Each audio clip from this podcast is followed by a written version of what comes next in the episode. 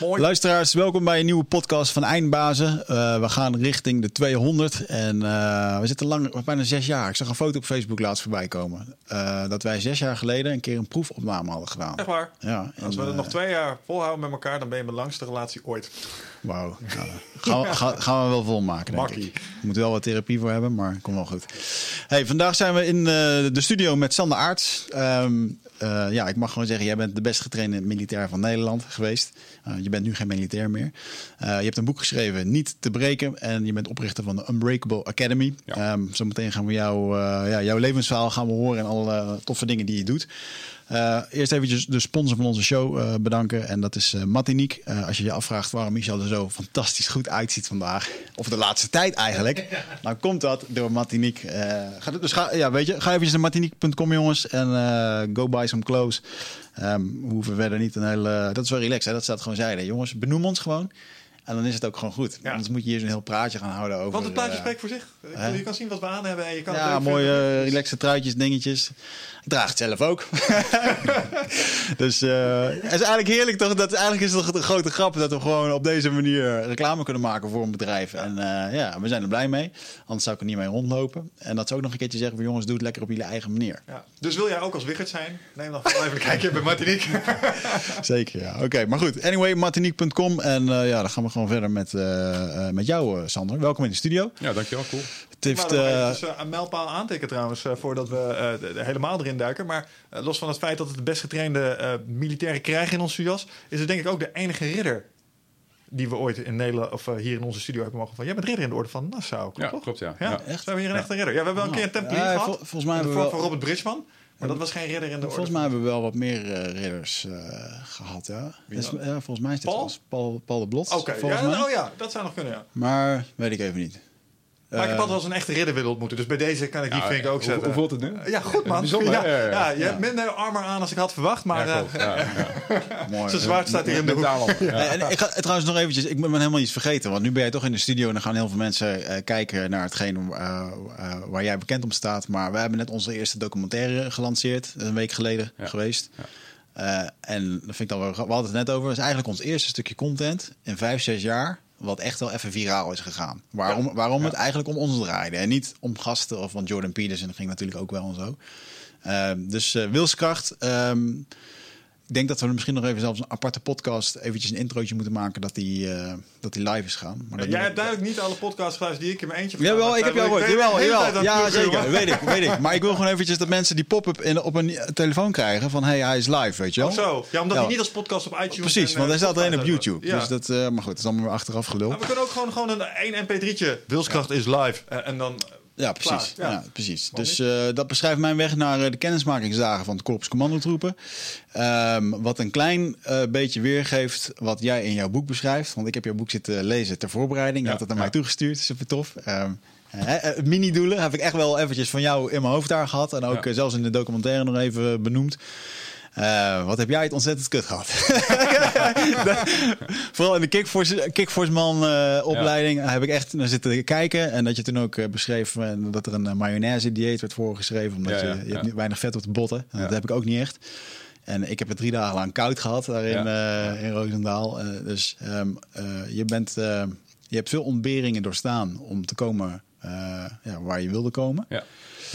En, um, en anderzijds raakte het boek me ook wel heel erg, omdat ik toch een bepaalde herkenning daarin had. Um, en wat me meeste, meeste bij is gebleven, is het uh, niet zozeer het militaire aspect, maar het moment waar jij op een gegeven moment thuis komt en uh, waarbij je van de buitenkant hoort dat er, dat er herrie is uh, ja. in het gezin. Ja. Um, dat herken ik heel erg met het opgroeien van een, met een schizofrene broer. Ja. En ja, eigenlijk gewoon uh, ik denk dat ik dezelfde ontsnappingstechnieken had als, uh, als jij. En dus daar vond ik heel veel herkenning in. En dat vond ik uiteindelijk ook. Uh, ja, je hebt wel een heel menselijk boek geschreven over een heel militair iets. Ja. Waar veel mensen natuurlijk om zullen komen.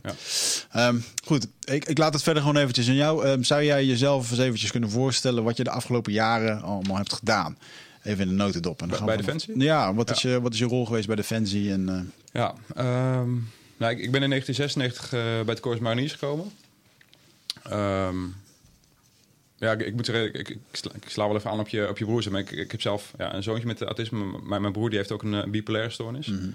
Dus uh, nou, dat, dat gezegd, hè, misschien komen we later op terug. Maar uh, ja, op 17-jarige leeftijd uh, bij het Corps Mariniers gegaan. Uh, ja, en al vrij snel na de mariniersopleiding voelde ik wel zeg maar, de drijf om, om een stapje verder te gaan. Zeg maar. Dus mariniersopleiding, eerlijk gezegd, van alle opleidingen die ik heb gedaan... gevoelsmatig was dat misschien wel een van de zwaarste opleidingen. Want ja, ik had een redelijke onrustige middelbare schoolperiode achter de rug. Niet heel zeker van mijn zaak. Um, dus ja, dat, dat contrast met de middelbare school en dan zeg maar bij het korps gaan, dat was gewoon echt heel groot natuurlijk. Maar toen merkte ik wel al, zeg maar, uh, ja, waar het verschil is van, van mensen die goed zo'n opleiding doorkomen of niet. Want bijvoorbeeld met onze marinierskeuring waren heel veel gasten die, die, die, werden afgekeurd. En dat waren echt ja, gasten die veel mondiger en groter en zekerder waren dan, dan ik eigenlijk. En die zag gewoon bij Bosjes eigenlijk afvallen die dag. Mm. En hetzelfde met de mariniersopleiding. Dus dan had ik al iets van, hey, dat, er is iets meer dan zeg maar grote spierballen en uh, een grote mond. En toen, ja, onbewust leerde ik mezelf dan ook wel een beetje de, ja, de mentale trucjes, weet je wel. Doelen, mini-doelen stellen en dat soort, uh, dat soort dingetjes. Dus ik kwam die mariniersopleiding door en toen, uh, toen, toen, werd ik geplaatst bij, de infanterie, bij een infanteriecompagnie.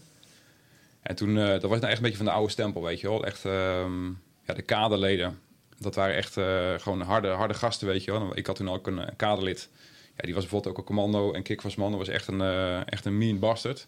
En die heeft mij toen echt wel in die periode ook wel gevormd wij kwamen toen net aan, uit de mariniersopleiding. Toen dacht ik van, nou, dan ben je echt het, mannetje, weet je wel. Mhm. Nou, niet dus, want je komt bij mariniers, die zijn al naar Noorwegen geweest en naar Schotland. Dus ze staan weer helemaal onderaan de foodchain natuurlijk. En dan gaan ze ook weer kijken wat voor vlees in de kuip hebben. En wij moesten toen ook bijvoorbeeld, uh, ja, we gingen, gingen we roodwerken als, uh, als gewoon sport. En dan gingen we met die lange telefoonpalen door de bossen rennen. En mhm. de oudere mariniers die mochten dan aan die telefoonpalen hangen. En de jongere mariniers die droegen die telefoonpalen rennen. En die moesten dan zeg maar, de instructeur bijhouden. Nou, ook gewoon, ja, toen kwam je kwam uit de mariniersopleiding. En ja, de eerste het beste sportles vielen de mariniers af, weet je. Die hielden dat niet vol of die, die lagen te kotsen in de bosjes, eh, dat soort, uh, dat soort gekkigheid. En dat was echt al ja, een hele moeilijke periode, al helemaal als, uh, als jonge marinier. Maar dat was wederom wel heel erg vormend voor mijn ja, fysieke mentale ontwikkeling eigenlijk.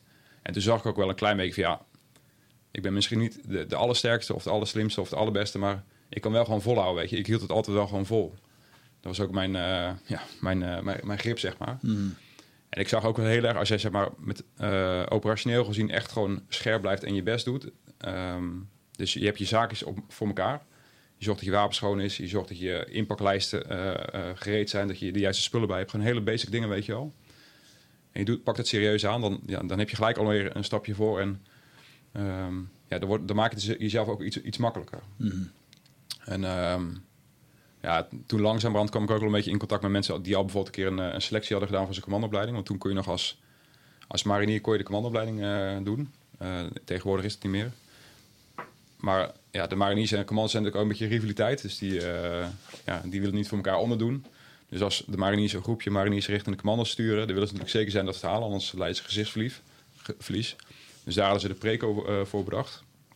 Nou, fijn, normaal gesproken gingen gasten die die al vijf, zes jaar marinier waren, die, die mochten zich opgeven voor die uh, preco, of die gaven zich op. Want ja, ook daar viel weer een heel percentage, vanaf. Nou, fijn, ik had dat volgens mij uh, ik was toen volgens mij 2,5 jaar marinier. Had ik me opgegeven en ik mocht die preco gaan doen. Nou, ik, ik kwam door die, uh, die preco, zeg maar. Toen was ik volgens mij 19. Hoe lang is dat? Dat was een paar weken? Of? Nou, dat was twee weken, ja. En mag je dat vergelijken als de, de ECO-opleiding van, het, van de commandotroepen? Um, ik kan me voorstellen dat ze dan denken: ja, we gaan hier wel onze jongens daarheen sturen. Dit moet wel even wat daarheen gaat gestuurd worden, moet wel goed zijn. Ja, op, helemaal toen de tijd, zeg maar. Je, je weet als je als marinier met een commandopleiding gaat doen, dat je extra aandacht krijgt. Ja. En dat is niet noodzakelijk positief. nee, ik, ik las, ik las, ja, dat, ik las, daar nooit te kijken natuurlijk. Maar je, je, gaat, je gaat het extra zwaar krijgen. Dat komt. En ze, ze, ze, verwachten meer van je. En dat, dat, mag ook natuurlijk, want je hebt wel een bepaalde basis.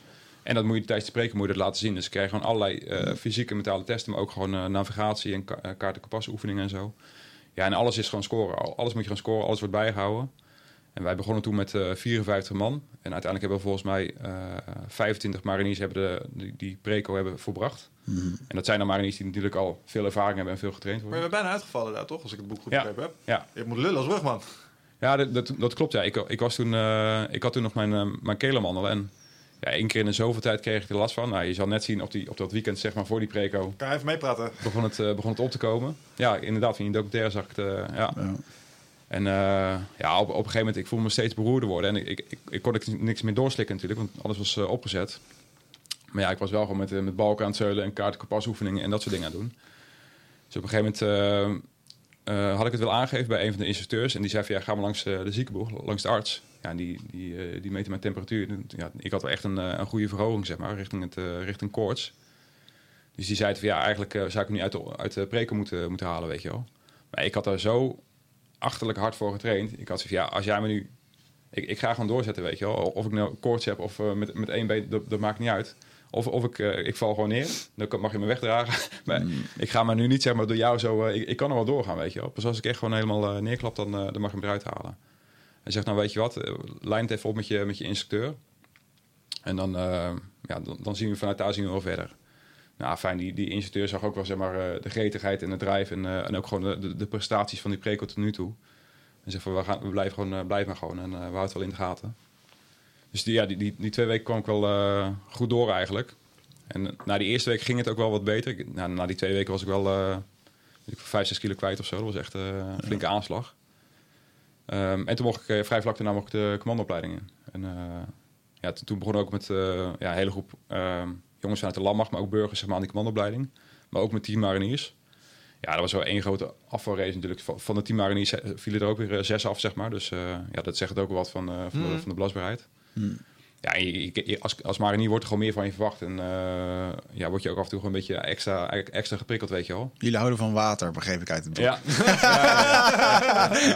ja, absoluut hoor. Ja. Dat zie ik helemaal voor hoe ze dat dan ook kunnen doen inderdaad. Ja. Maar dat is, dat is ook wel grappig hoor. Dat, dat, dat zie ik ook wel vaak terug. En niet alleen met de commandoopleiding, maar ook in de mariniersopleiding en eh, in de kikkeropleiding. Wat zeg maar eh, autoriteit met mensen doet. Want dat, vond, dat vond ik toen al eigenlijk fascinerend zeg maar, in, in de commandoopleiding. En toen had ik al iets meer bagage natuurlijk als marinier, was ik wat belastbaarder. Dus dan ja, ben je wat bewuster van wat er allemaal om je heen gebeurt. Dus ook wat er bij de instructeurs gebeurt. En dan zag je gewoon echt dat, dat sommige instructeurs, en dat is niks eh, alleen voor de commando, want dat heb ik in iedere opleiding gezien. Ja, als je mensen een bepaalde autoriteit geeft, ja, dan leer je ze echt heel goed kennen en hoe ze daarmee om kunnen gaan. En dan, dan kun je ook het onderscheid maken aan instructeurs zeg maar, die jou eh, prikkelen om jou iets te leren, zeg maar. En instructeurs die jou prikkelen om gewoon, ja, omdat ze zelf het hele, omdat ze het zelf heel zwaar hebben gehad, weet je, in zo'n opleiding. Een soort, een soort met van een, gra- een gram halen. En dat, dat zag je soms ook gewoon echt, eh, echt gebeuren. En, Ah, interessant. en voor mij was dat ook wel een soort van, als ik dat zag bij instructeurs, dat, zag mij, dat gaf mij een soort met, eh, van, van vuurtje. Dus als ik zeg maar een van die instructeurs een beetje gemeen zag doen, weet je wel, echt oprecht gemeen.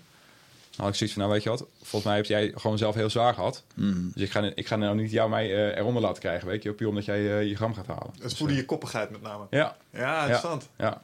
Ik zit me dat af te vragen. Ja, ik kan me voorstellen dat jouw situational awareness op sommige momenten tijdens die KST-dagen gewoon nul waren, omdat het puur overleven was.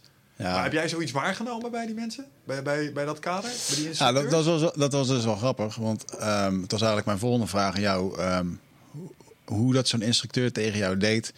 Eh, hoe, kwam je, hoe kwam dat binnen op die leeftijd? Want je bent nog vrij jong. En ik heb daar natuurlijk met mijn 37ste nu dan Ja. rondgelopen. Ja. En ehm, er was één instructeur, die naam die zal ik ook nooit vergeten. Dat was de, de hoofd... degene- de ho- hoofd van het kader of zo noemen Ja, ze dat dan. En eh, ja, die, die was zo rustig. En dat zei ik later ook tegen hem. Van, ik, ik kan jou gewoon niet lezen Nee, nee. als je voor me staat. En als die man iets aan je vroeg, dan wist je dat het of pijn ging doen, of het ging heel erg meevallen. Ja, ja. En ehm, ik weet nog wel dat we op een gegeven moment andere instructeurs kregen voor andere onderdelen. En eh, wat me daarbij opviel, dat waren dan misschien wat jongens die wat, wat ouder in het vak zaten. Ja, die deden me heel erg denken aan, eh, eh, ja, een beetje het, het, toch wel een beetje wat je dan ook in de film ziet en zo, weet je wel. Van, jongens, wat ik hier nu zie, ik vind het gewoon in en in triest. Sergeant, wat vind jij ervan? Ja, ik vind het ook echt heel slecht. Ik ben echt diep teleurgesteld, jongens. En toen, en toen zat ik daarna te luisteren en toen dacht ik, nou, dit, dit, ehm, ja, dit, dit is het spelletje. Ja, ja, ja. Terwijl ehm, jongeren om me heen, ik zat natuurlijk met veel van de jonge gasten, dat sommigen die eh, waren echt aangedaan Ja. door wat eh, sommige instructeurs er tegen zeiden. Ja. En, ik, en ik heb mezelf ook vaak afgevraagd, eh, toen ik jouw boek las, toen dacht ik, ja, jouw weg. Eh, ik heb het nooit, om een of andere reden heb ik het nooit gedaan, maar ik denk wel dat de beste manier was geweest dat ik ergens in was gegaan, mariniers of luchtmobiel, en daar gevormd was om vervolgens tot zoiets te kunnen doen. Ja. Terwijl ik gewoon niet in de omgeving was die mij stimuleerde om dat te doen. Sterker nog, het werd afgeraden. Ja, ja. En ehm, eh, ik denk dus als je inderdaad die jonge leeftijd hebt en ja, je hebt die juiste omgeving om je heen, dan, dan kan je heel goed gevormd worden. Ja. Eh, maar nu durf ik wel te zeggen dat als ik nu 20 was, zoals ik mezelf kende, als dat ik zelf 20 was, had ik het echt verdomd moeilijk gehad in Ja. die, eh, die opleidingen. Ja, ja. Onzeker en Ja, eh, ja. wel een grote mond en stoer, maar mm, ja, toch wel Ja. dat, dat, dat wankelige en die onzekerheid, zo lastig om mee om te ja. gaan. Ja, ik, ik vind het wel een lastige, want ja, je, je hebt er zo, zeg maar zoveel verschillende soorten gasten, weet je. En uit zoveel vers- verschillende soorten milieus. En eigenlijk de, enige manier om er echt achter te komen of je dat gaat redden, weet je, is gewoon in het, in dat, dat proces aan te gaan, weet je. Ja. Dat, voor mij zei dat ook mooi in je, in je, in je documentaire. En dan, ja, dan is het ook gewoon, volgens mij, een heel groot gedeelte ligt ook gewoon echt in de, in de overgave. Durf jij echt gewoon volledig over te geven aan het, aan het proces. En dat begint natuurlijk van tevoren al. Want heel veel jongens denken van ja, ik geef, als de opleiding begint of als de selectie begint, ja, dan gaan we, gaan we, gaan we knallen, weet je wel. Dan, ga ik, dan heb ik die toewijding en de discipline. Ja. Maar dat, dat begint al zeg maar, op het moment dat jij echt zeg maar, die overgave doet. Want dan kun jij zeggen, oké, dan ga ik gewoon alles opofferen. Ja. Mijn sociale omgeving, mijn- vrije tijd, om, om me voor te bereiden voor het proces. Ja. En de jongens zeg maar, die, die die overgave doen, ja, 9 van de 10 keer, ja, die halen het wel. Maar vaak, dat komt ook wel erg vaak uit een soort weer van, ja, misschien wel trauma of een, of, of een tekort ergens, weet je wat, daarvoor. Of, Ah, Daar, hoor, daar hoor ik jou nu best wel veel in uitspreken. Als ik jou hoor in podcasts en inderdaad over je boek. eh, hè, jouw, jouw zoektocht naar erkenning en zo. En ja, Ik herken het zelf ook van een vader die ik nooit heb gehad. Ehm, maar toen was jij gewoon 20 en toen deed je het gewoon. Ja. Ik, heb, ik heb tot mijn 28ste, 29ste heb ik dit gedachtegoed nooit gehad. Dat, Nee, ik nee, dat, nee, dat het uit dat vat kwam. ja. Eh, had jij dat wel op dat moment? Nee, helemaal niet. Nee, nee helemaal niet. Nee. Toen, toen, toen, toen wilde ik gewoon, eh, toen wilde ik gewoon commando worden, weet je wel. Ja, en achteraf ga je erover nadenken en dan ga je natuurlijk eh, een beetje je drijfveer onderzoeken. En eh, ja, het is, een- het is een beetje achteraf kijken natuurlijk, maar ja, dan worden dingetjes wel wat helderder natuurlijk. En toen ja, wilde ik dat gewoon heel graag, weet je. Dat was gewoon eh, voor, mij echt gewoon een, een volgende stap in het, in het hele proces om, om iets, eh, ja. om het hoogste haalbare te bereiken binnen, binnen Defensie, zeg maar. Wat was het, wat is het meest moeilijke, mom- zwaarste moment wat je in de commandoopleiding bij is gebleven? Ja, ja ik weet niet of het echt één specifieke ding is, maar wat ik altijd echt eh, killing vond, en dat, dat hoor je heel veel gasten zeg maar, die de opleiding hebben gedaan, is eh, zeg maar, de, zondag. Dus dan heb je al zeg maar één week heb je achter de rug, dus dan weet je zeg maar ja, wat, je, wat je te wachten staat. En dan op vrijdag kom je terug, als je, als je überhaupt, überhaupt in het weekend eh, thuis komt. En ja, in het weekend is alleen maar slapen en eten. Dat is Ja. gewoon echt niet normaal wat je dan allemaal naar binnen stout. Ja, ja, ja. Alleen, alleen maar eh, slapen en eten. Maar dan op zondagochtend dan moet je met de trein weer richting Roosendaal. Dat Ja, dat, dat, dat zijn knapmomentjes. Ah, ja. Alleen, dan zit je natuurlijk in je eentje in de trein. Dan zit je alleen, alleen met de maal natuurlijk. Alleen, voor mij was het altijd zo, als ik dan weer op station kwam in Roosendaal... en ik zag die andere gasten... en die, zaten dan, die waren nog sipper dan ik... dan had ik, al, had ik altijd van, ja, oké, komt er goed, weet je wel. Het Ja. komt goed. En Ja. dat- ja, dat, dat klinkt heel eh, een beetje lullig natuurlijk... maar daar voerde ik me wel altijd mee, weet je. Als gasten het nog, nog zwaarder hadden...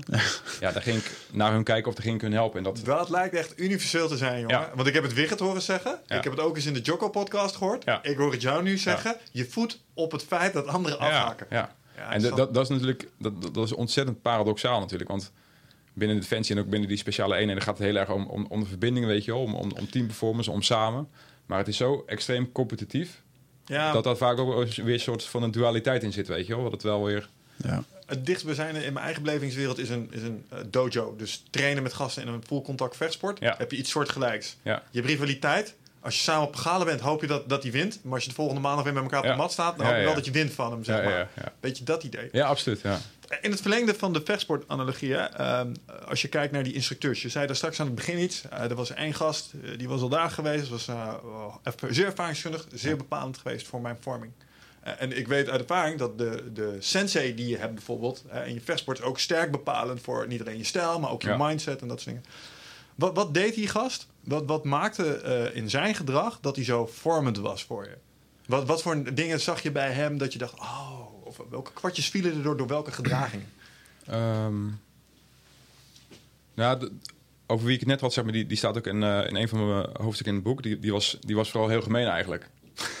ja, dat was echt gewoon een gemene, gemene klootzak. Ja, Dus als wij zeg maar, eh dan hadden we s'morgens hadden we PT gehad. Dus gingen met die, met die palen door het bos rennen, weet je wel. Dan had je gewoon echt ja, hele, hele blauwe schouders had je. En dan smiddags gingen we nog voetballen. En dan was hij zeg maar voor de gein even op je schouders tikken, weet je wel. En daarna nog eh achterlijke setjes pull-ups en dat, en dat soort dingen.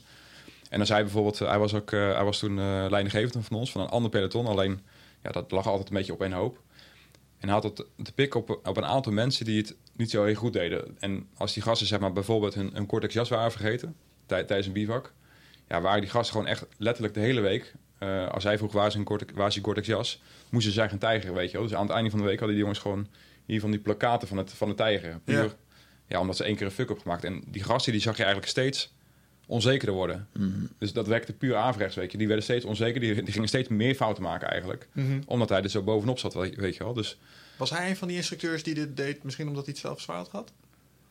Nou, dat, zo, kunnen- nou, dat, dat leerde ik later eigenlijk. Dat, ehm, hij was ook eh, commando, nou, hij was, eh, hij was een commando-instructeur geweest vanuit de mariniers, zeg maar. Hij was ook kickboxman.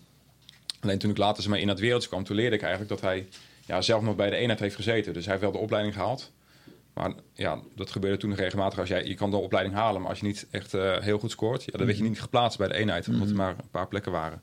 En hij was blijkbaar nooit geplaatst echt. Ah, oké, ja. Ehm, dus voor, ja, voor mij was dat... Ja, daar zat geen waarde in. Toen vond ik het heel vervelend voornamelijk. Maar achteraf ja, zat, er, zat er voor mij eigenlijk geen waarde in. Zag ik wel dat hij ja, ook misschien vanuit een bepaalde angst of voor kramp reageerde. Maar voor mij was het wel als, als leidinggevende heel eh, mooi om te zien... Ja, wat, wat voor effect een bepaalde leiderschapsstijl heeft, weet je wel. Je, je, je, kan soms, je mag soms echt wel hard zijn voor die gasten. Maar het moet je, niet je default mode zijn, weet je wel. Het moet echt een, een bewuste keuze zijn, om, omdat de situatie daarom vraagt. Ja, En 9 van de 10 keer, ja, als je ziet dat zo'n jongen onzeker wordt als jij op deze manier gedraagt, ja, dan moet je niet meer, nog meer van dat gedrag laten zien, weet je. wel. Dus voor mij was het heel erg een soort mensen van les. Ja, zo wil ik niet, in, in ieder geval niet zo worden als, als leidinggevende, weet je wel. Nee. En, Ja. ja, toen werd er nog heel veel waarde gehecht aan, eh, aan kwaliteitsnummers. Dus als jij commando was en kickboxman had je een bepaalde status. En vaak gingen mensen daar ook, daar ook naar gedragen, naar die status. Dus ja, eh, gingen ze zichzelf op voet, voetstuk plaatsen en ja, liet ze ook dat soort gedrag eh, tonen eigenlijk. Toen had ik voor mijzelf, ja, hoe gaaf zou het zijn?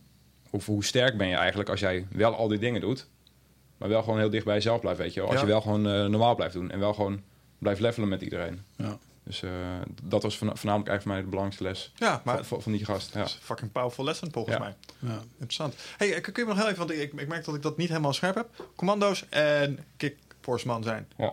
Hoe verhouden die, die zich tot elkaar? Is, dat, is kickforceman nog een verdere specialisatie van commando? Of, eh, Ja, je, je moet het zo zien, ik zat bij de, bij de mariniers. mhm. En eh, ja, de, de mariniers en de commando's is echt een aparte eenheid.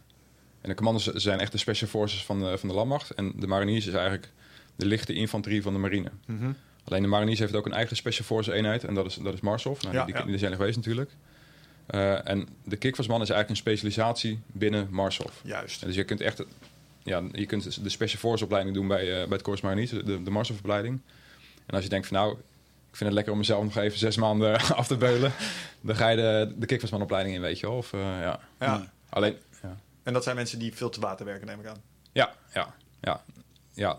Ja, veel mensen denken dat je dan een soort affiniteit moet hebben met, met water of zo, weet Ja. je wel. Dat is wel de standaard associatie die ik heb, maar dat is Ja. niet terecht. Nee, nee, helemaal niet. Nee. Kijk, je, je ligt wel veel in het water. Veel eh, flipperen en veel, veel duiken en dat soort dingen. En eh, in die selectie zit ook een heel gedeelte in het, eh, in het zwembad. Dan moet je ook echt een hele stuk onder water zwemmen, dat soort, eh, dat soort gekkigheid. Maar ik ken zat gassen die, eh, ja, dat waren absoluut geen waterratten, die, eh, die prima door zijn opleiding kwamen, weet je wel. Ja. En 9 van de 10 keer, als je uit die opleiding komt, dan heb je gelijk een soort aversie tegen water. Dus dan ben je... Ja, snap ik. Ja. Dat is wel een apart, ja, eh, apart soort eh, ongemak volgens mij om veel in het water te moeten liggen. Alleen al wat betreft de kou. Ja, ja dat, dat is wel... eh, Ja, Wat je daarin beschrijft in je opleiding, dat is echt heftig. Met die, je hebt er 45 minuten hardlopen, 10 kilometer, Ja. 200 kilometer roeien of zo.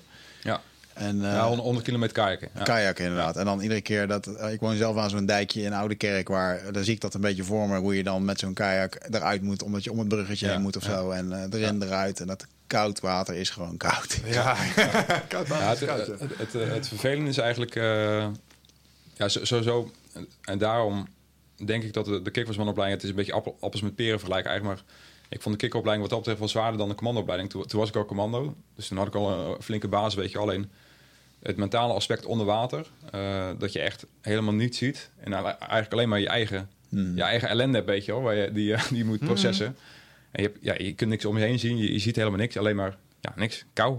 Ja. En normaal gesproken, als jij uh, kompasduiker bent, dan kom je af en toe nog boven, weet je wel. Dus dan, ja, dan kijk je waar je bent, kun je navigeren. Alleen als jij zijn buddy bent, ja, dan kom je niet naar boven, want dan word je eerder gezien natuurlijk. Dus die blijft onder. Ja, en die is alleen maar, zeg maar, ja, die zit, heeft alleen maar zijn eigen proces om te, om te verwerken. En ja, bijvoorbeeld in de kikkeropleiding zit ook een, een drie uursduik. Dan moet je je voorstellen dat je gewoon drie uur niks ziet, alleen maar kou en ellende. En ja, voor de rest alleen maar flipperen, weet je wel. Tot je, tot je ja, een beetje uh, probeert dat je geen kramp in je, in je kuit krijgt. Ja. Ja. ja, wat mij moeilijk lijkt aan dat water... en ik weet niet of dat voor jou psychologisch een aspect was... maar bij alle dingen tijdens de opleiding, zeg maar, op land, eh, kunnen dingen misgaan. Ja. Maar niet zo misgaan als dat ze onder Ja. water kunnen misgaan. Ja, Ik bedoel, moeder natuur maakt niet uit of het een oefening is of niet. Ja. water is water, snap je? En dat, dat is wel echt levensbedreigend op zo'n moment. Speelt dat mee? Ja, absoluut hoor. En dat, daar zit ook een, eh, een hele sterk component claustrofobie zit erin. En dat, dat merk je ook dat heel veel jongens daar niet tegen kunnen eigenlijk. Dus je duikt ook bijvoorbeeld onder schepen. Nou, je duikt echt gewoon onder die, ja, die grote marinevergatten, weet je. Dat is, dat is pitch black. Je ziet er helemaal niks in de kou. En als je dan, ja, je ga je ook met, met lijnen werken en dat soort dingen. En ja, als je dan niet goed oplet en je zit een beetje verstrikt, of, eh, ja, dan moet je echt gewoon heel rustig blijven anders. Want ja, die, die, die zuurstofverraad is, is beperkt natuurlijk. En als je in paniek raakt, Ja, dan, gaat het, dan ga je er snel doorheen. ja. En dan heb je echt een probleem natuurlijk. Ja, of als je in één keer een, een motor hoort starten onder water, dan weet je ook niet waar het vandaan Ja. komt. Dat soort Ja. dingen. Het is gewoon... Ja. Ik ben gewoon een, eh, ik ben gewoon een mooie weer Thailand duiker, weet je wel. Gewoon paddy. A, B, C en zo. Of hoe noem je dat? Paddy eh, open water en zo. Maar ik kan me niet voorstellen over... eh, dat je inderdaad drie onder water bent en dat je dan op een gegeven moment boven moet komen. En dan moet de opdracht volbracht zijn. En dan hoop je maar dat je dan boven komt en denkt, we zitten goed of niet. Ja, weet je wel? ja. Dat is bizar. Ja, ja dat, dat, ja, bijvoorbeeld, we hebben ook, ook heel veel oefeningen gedaan, maar ook eh, bijvoorbeeld eh, voor de kust in Afrika. Als je dan, dan ga je zeg maar onder water, maar dan heb je het, het doelwit heb je nog niet visueel. Dus dan moet je eigenlijk gewoon puur op je eigen kompaskoers of, of, of op je navigatiemiddelen vertrouwen eigenlijk. En als jij zeg maar zelf geen teamleden bent, moet je maar op die vaardigheden van je teamleider vertrouwen. En daarom is dat, dat onderlinge vertrouwen ook zo essentieel binnen zo'n team, weet je wel. Alleen dan heb je het doel niet visueel, maar je, je hebt onderling natuurlijk ook stromingen onder water, weet je wel. Dus ja, dat, dat, dat is zo vaak zo complex en zo, ehm, ja, zo, zo lastig eigenlijk. Ja. Ehm, ja, dat- helemaal, ja, het, zijn wel super gave opdrachten natuurlijk om, dat, om daarvoor te trainen, om dat, eh, om dat te beoefenen eigenlijk. Ja. ja. En als je dan nu kijkt naar, eh, laatst zag ik dat een keertje, ehm Navy SEAL training. Zit een onderdeel bij waarbij instructeurs jou onder water moeilijk gaan maken door je masker af te pakken, slangen te verwisselen, knopen erin te leggen. En er zat ook één oefening bij. En ehm, daar verbaasde ik me echt over. Dat ze dus jongens onder water houden tot op het punt waarbij ze bijna verdrinken. En dan legden ze uit dat als iemand zijn bewustzijn kwijtraakt onder water, in de, eh, ik geloof dat hij drie of vier minuten voor de duurt voordat je echt hersenschade hebt. Maar dan lieten ze dus iemand gewoon eh, zijn bewustzijn verliezen onder water. Duwden ze hem gelijk boven water. eh, dat hij eigenlijk bijna indirect of direct bijkwam. En die instructeur zei dan heel grappig: eh, What's the name of your instructor who just saved your life? Oké, maar heb je dat soort dingen? En dat deden ze dan om de. Eigenlijk om de prikkel op te wekken van je, ja, dit zo voelt het om te verzuipen. En Ja. ik weet niet precies of dat het gedachtegoed was, maar herken je dat? Waren dat dingen die ook Nou, in de training? ik, ik weet niet of ze in Amerika echt eh, zeg maar, mensen echt bewust eh, onder water houden. Dat, dat weet ik niet. Maar bijvoorbeeld voor de kikker, kikkeropleiding zit wel een, eh, ook een, eh, een zwembadoefening. Ja, daar leg je eigenlijk gewoon onder water met een, met een groepje cursisten, zeg maar. En in, in het midden liggen een aantal persluchtsetjes. ja. Dus dan moet jij gewoon rustig ademhalen. Op een gegeven moment halen ze één persluchtsetje halen ze weg. Dus dan moet je al gaan delen, weet je. Op een gegeven moment halen ze er nog eentje weg. Dus dan moet je ademhalen, even wachten. En op een gegeven moment krijg je hem weer terug, weet je. Dan halen ze nog eentje weg. En op een gegeven moment is het eigenlijk de kunst, zeg maar, binnen dat groepje onder water... om gewoon één teug te nemen, dan door te geven. Ja. Alleen wat je dan ziet, zeg maar, als gasten eh, een klein beetje paniek raken of niet rustig blijven... dat ze er twee nemen. Maar als ze zo egoïstisch zijn om er twee te nemen... Ja, dan verkloot het eigenlijk voor de rest, weet je. Dan Ja, krijg- ja, komt de rest in de problemen. En ja, dan is eigenlijk de kunst. En dan zie je ook gewoon gasten die, eh, die in paniek raken, die, die, die snel naar boven gaan. En dan is het gewoon, ja, ook gewoon de kunst om ten eerste rustig te blijven. En als je echt gewoon, als het niet meer gaat, dan kom je omhoog, neem je een teug lucht. En dan ga je weer terug, weet je. En, en dat is het enige, zeg maar, wat die, wat die psychologen en wat, eh, wat de mensen willen zien. Dat jij gewoon ja, rustig blijft en, en niet opgeeft. Het zou ook zomaar kunnen zijn dat ik het verkeerd beschrijf en dat, dat de jongens per ongeluk het bewustzijn verloren. En dat Ik ze denk het wel, daardoor. ja. eh, Ja. eh, Maar Dat zou wel echt gruwelijk zijn. het was wel een heel Americanized. eh, We maken even een Navy Seal docu-achtige film. Maar, Ja. eh, Ik, ik, ik ken de beelden hoor, ik heb ze ook gezien. Ja. En, ehm, eh, maar ehm, al- als kickforceman, ik denk dan als kickforceman in Nederland, nou, wat doe je dan met uitzendingen? Heb je dan überhaupt wel werk om dingen te doen en zo? Ik, ik heb altijd een beetje het gevoel dat dat helemaal niet aan bod komt. Ja. Ehm, nou, kijk, in, in essentie, eh, als, je, als, je, als je de kikkeropleiding gedaan hebt, dan- ben je in, in principe gewoon special forces. Dus dat is zeg maar je, eh, ja, je basiswerk eigenlijk. En die, nou, dat weet je misschien wel, die, die hebben drie verschillende smaken eigenlijk. Direct action, eh, special reconnaissance of military assistance. En dat is eigenlijk het palet van operaties dat jij doet. En zeg maar, het, het hele kickvasman, eh, de manier om te infiltreren zeg maar, als kickvasman, Ja, dat is gewoon één methode, weet je wel. Net zoals een kickvatsman ook uh, vrij val springt. Dat is ook één methode. Ja. Alleen zij hebben zich echt helemaal gespecialiseerd in het, in het maritieme domein. Maar ik ben als kickvatsman bijvoorbeeld ook in, in, in Irak geweest. Ja. Nou, daar heb ik geen, geen water aangeraakt. Maar Niet hebben we- superveel zee daar, nee.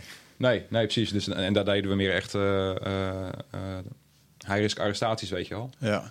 En dat was ook gewoon een, een onderdeel van, van ons werk toen. Ja. Heb je, eh, want Irak is wel een heel ander. Ik heb Afghanistan is me heel erg bijgebleven eh, vanuit je boek. Ja. Heb jij in Irak eh, ook daadwerkelijk eh, contact gehad met de vijand en eh, in vuurgevechten gezeten? Nee, nee, niet daadwerkelijk vuurgevechten. Nee. Wat dat betreft heeft mijn carrière wel een hele mooie opbouw gehad eigenlijk. Dus mijn eerste missie was echt met, de, met de verkenningseenheid, Ethiopië en Eritrea. Dat was gewoon eh, ja, puur verkenningspatrouilles rijden en dat soort dingen. En vrij vlak daarna ging ik de kikkeropleiding in en toen kwam ik bij, de, bij SF, bij Special Forces. En toen zijn we eigenlijk met een gecombineerde eenheid van, eh, van kikkers, mountain leaders en antiterreurspecialisten zijn we naar Irak gegaan. En daar hadden we eigenlijk een gecombineerde taak. Dat was eh, inlichtingen verzamelen. En als, er, als het bleek uit die inlichtingen dat iemand kwaad in de zin had, moesten daar gelijk eh, actie op ondernemen. Ja, dan moest hij diegene zeg maar arresteren. Dus daar hebben we toen, toen ook iets van 60 of 70 eh, ja, aanhoudingen verricht, zeg maar. Echte direct actions, zeg maar. Dus ja, gewoon midden in de nacht de deur eruit en die gast van zijn van zijn bed aflichten. En eh, ja, op de een of andere manier hebben we toen nooit echt een, een vuurgevecht eh, meegemaakt. Weet je. Misschien was, was het toen nog redelijk eh, rustig in, in Irak, tenminste in onze provincie. Maar ook wel zeg maar, de manier wa- waarop de optreden, zeg maar, ja, dat zorgde ook gewoon voor dat, dat, dat er geen vuurcontact nodig was. Ja. Eh, ja, en toen, twee of drie jaar later, toen ging ik naar Afghanistan. Ja, en toen was het wel echt, eh, echt knokken, zeg maar. Ja. Ja. ja, dat is wel echt eigenlijk gewoon next level shit oorlog voeren. Ehm, ik, denk, ik denk dat ik heb dat toen in dat moment, hoe oud was ik toen? Eh, wanneer is het? 2005 is dat geweest, hè? Afghanistan was Ja. eh, zeven. 2007. dus toen, eh dat is 13 jaar geleden. Ik durf eigenlijk te zeggen dat ik dat nooit heel erg mee heb gehad. Dat Nederland daar echt vuurcontact had. En Nee. eh, ik denk dat het misschien ook niet zo in het nieuws kwam zoals het nu op YouTube staat, zeg maar. Nee, als ik er nu naar kijk. En het is dat ik dan nu gasten zoals jou en, en anderen spreek die er zijn geweest. Maar ehm, daar is het wel echt gewoon oorlog geweest. Ja, het, het grappige was, daar had ik toevallig gisteren nog over met, met een paar oud-collega's. Kijk, wij zitten natuurlijk bij, eh bij SOF en dan ja, ben je mega ben je zwaar getraind, weet je. En dan ga je daar echt, ja, dan ben je daar echt voor aan het opwerken. En dan ga je daar op, missie en dan ga je je ding doen, zeg maar. En ja, dat, dat, dat is vaak ook een beetje het beeld, weet je, wat, wat, wat, eh, wat, eh, wat mensen bij militair hebben. Zeg maar echt, zij denken dat, dat zeg maar, speciale operaties, dat dat een soort van de standaard is voor militaire operaties, weet je. Maar, maar dat is natuurlijk zo. Want er waren ook heel veel gasten, ook mariniers, die zaten bijvoorbeeld op Texel of die stonden Mm. in het kombuis of die zaten bij als verbindelaar en die, die, ja, die werden gevraagd, je misschien naar Afghanistan? Ja, is goed. En die werden eigenlijk bij een dienstvak werden ze weggetrokken. En zij werden gekoppeld aan een eh OMLT-team. En wat zij eigenlijk doen is een soort van begeleiden van Afghaanse militairen. Ja. Dus ze werden dan als Nederlander gekoppeld aan zijn Afghaanse eenheid.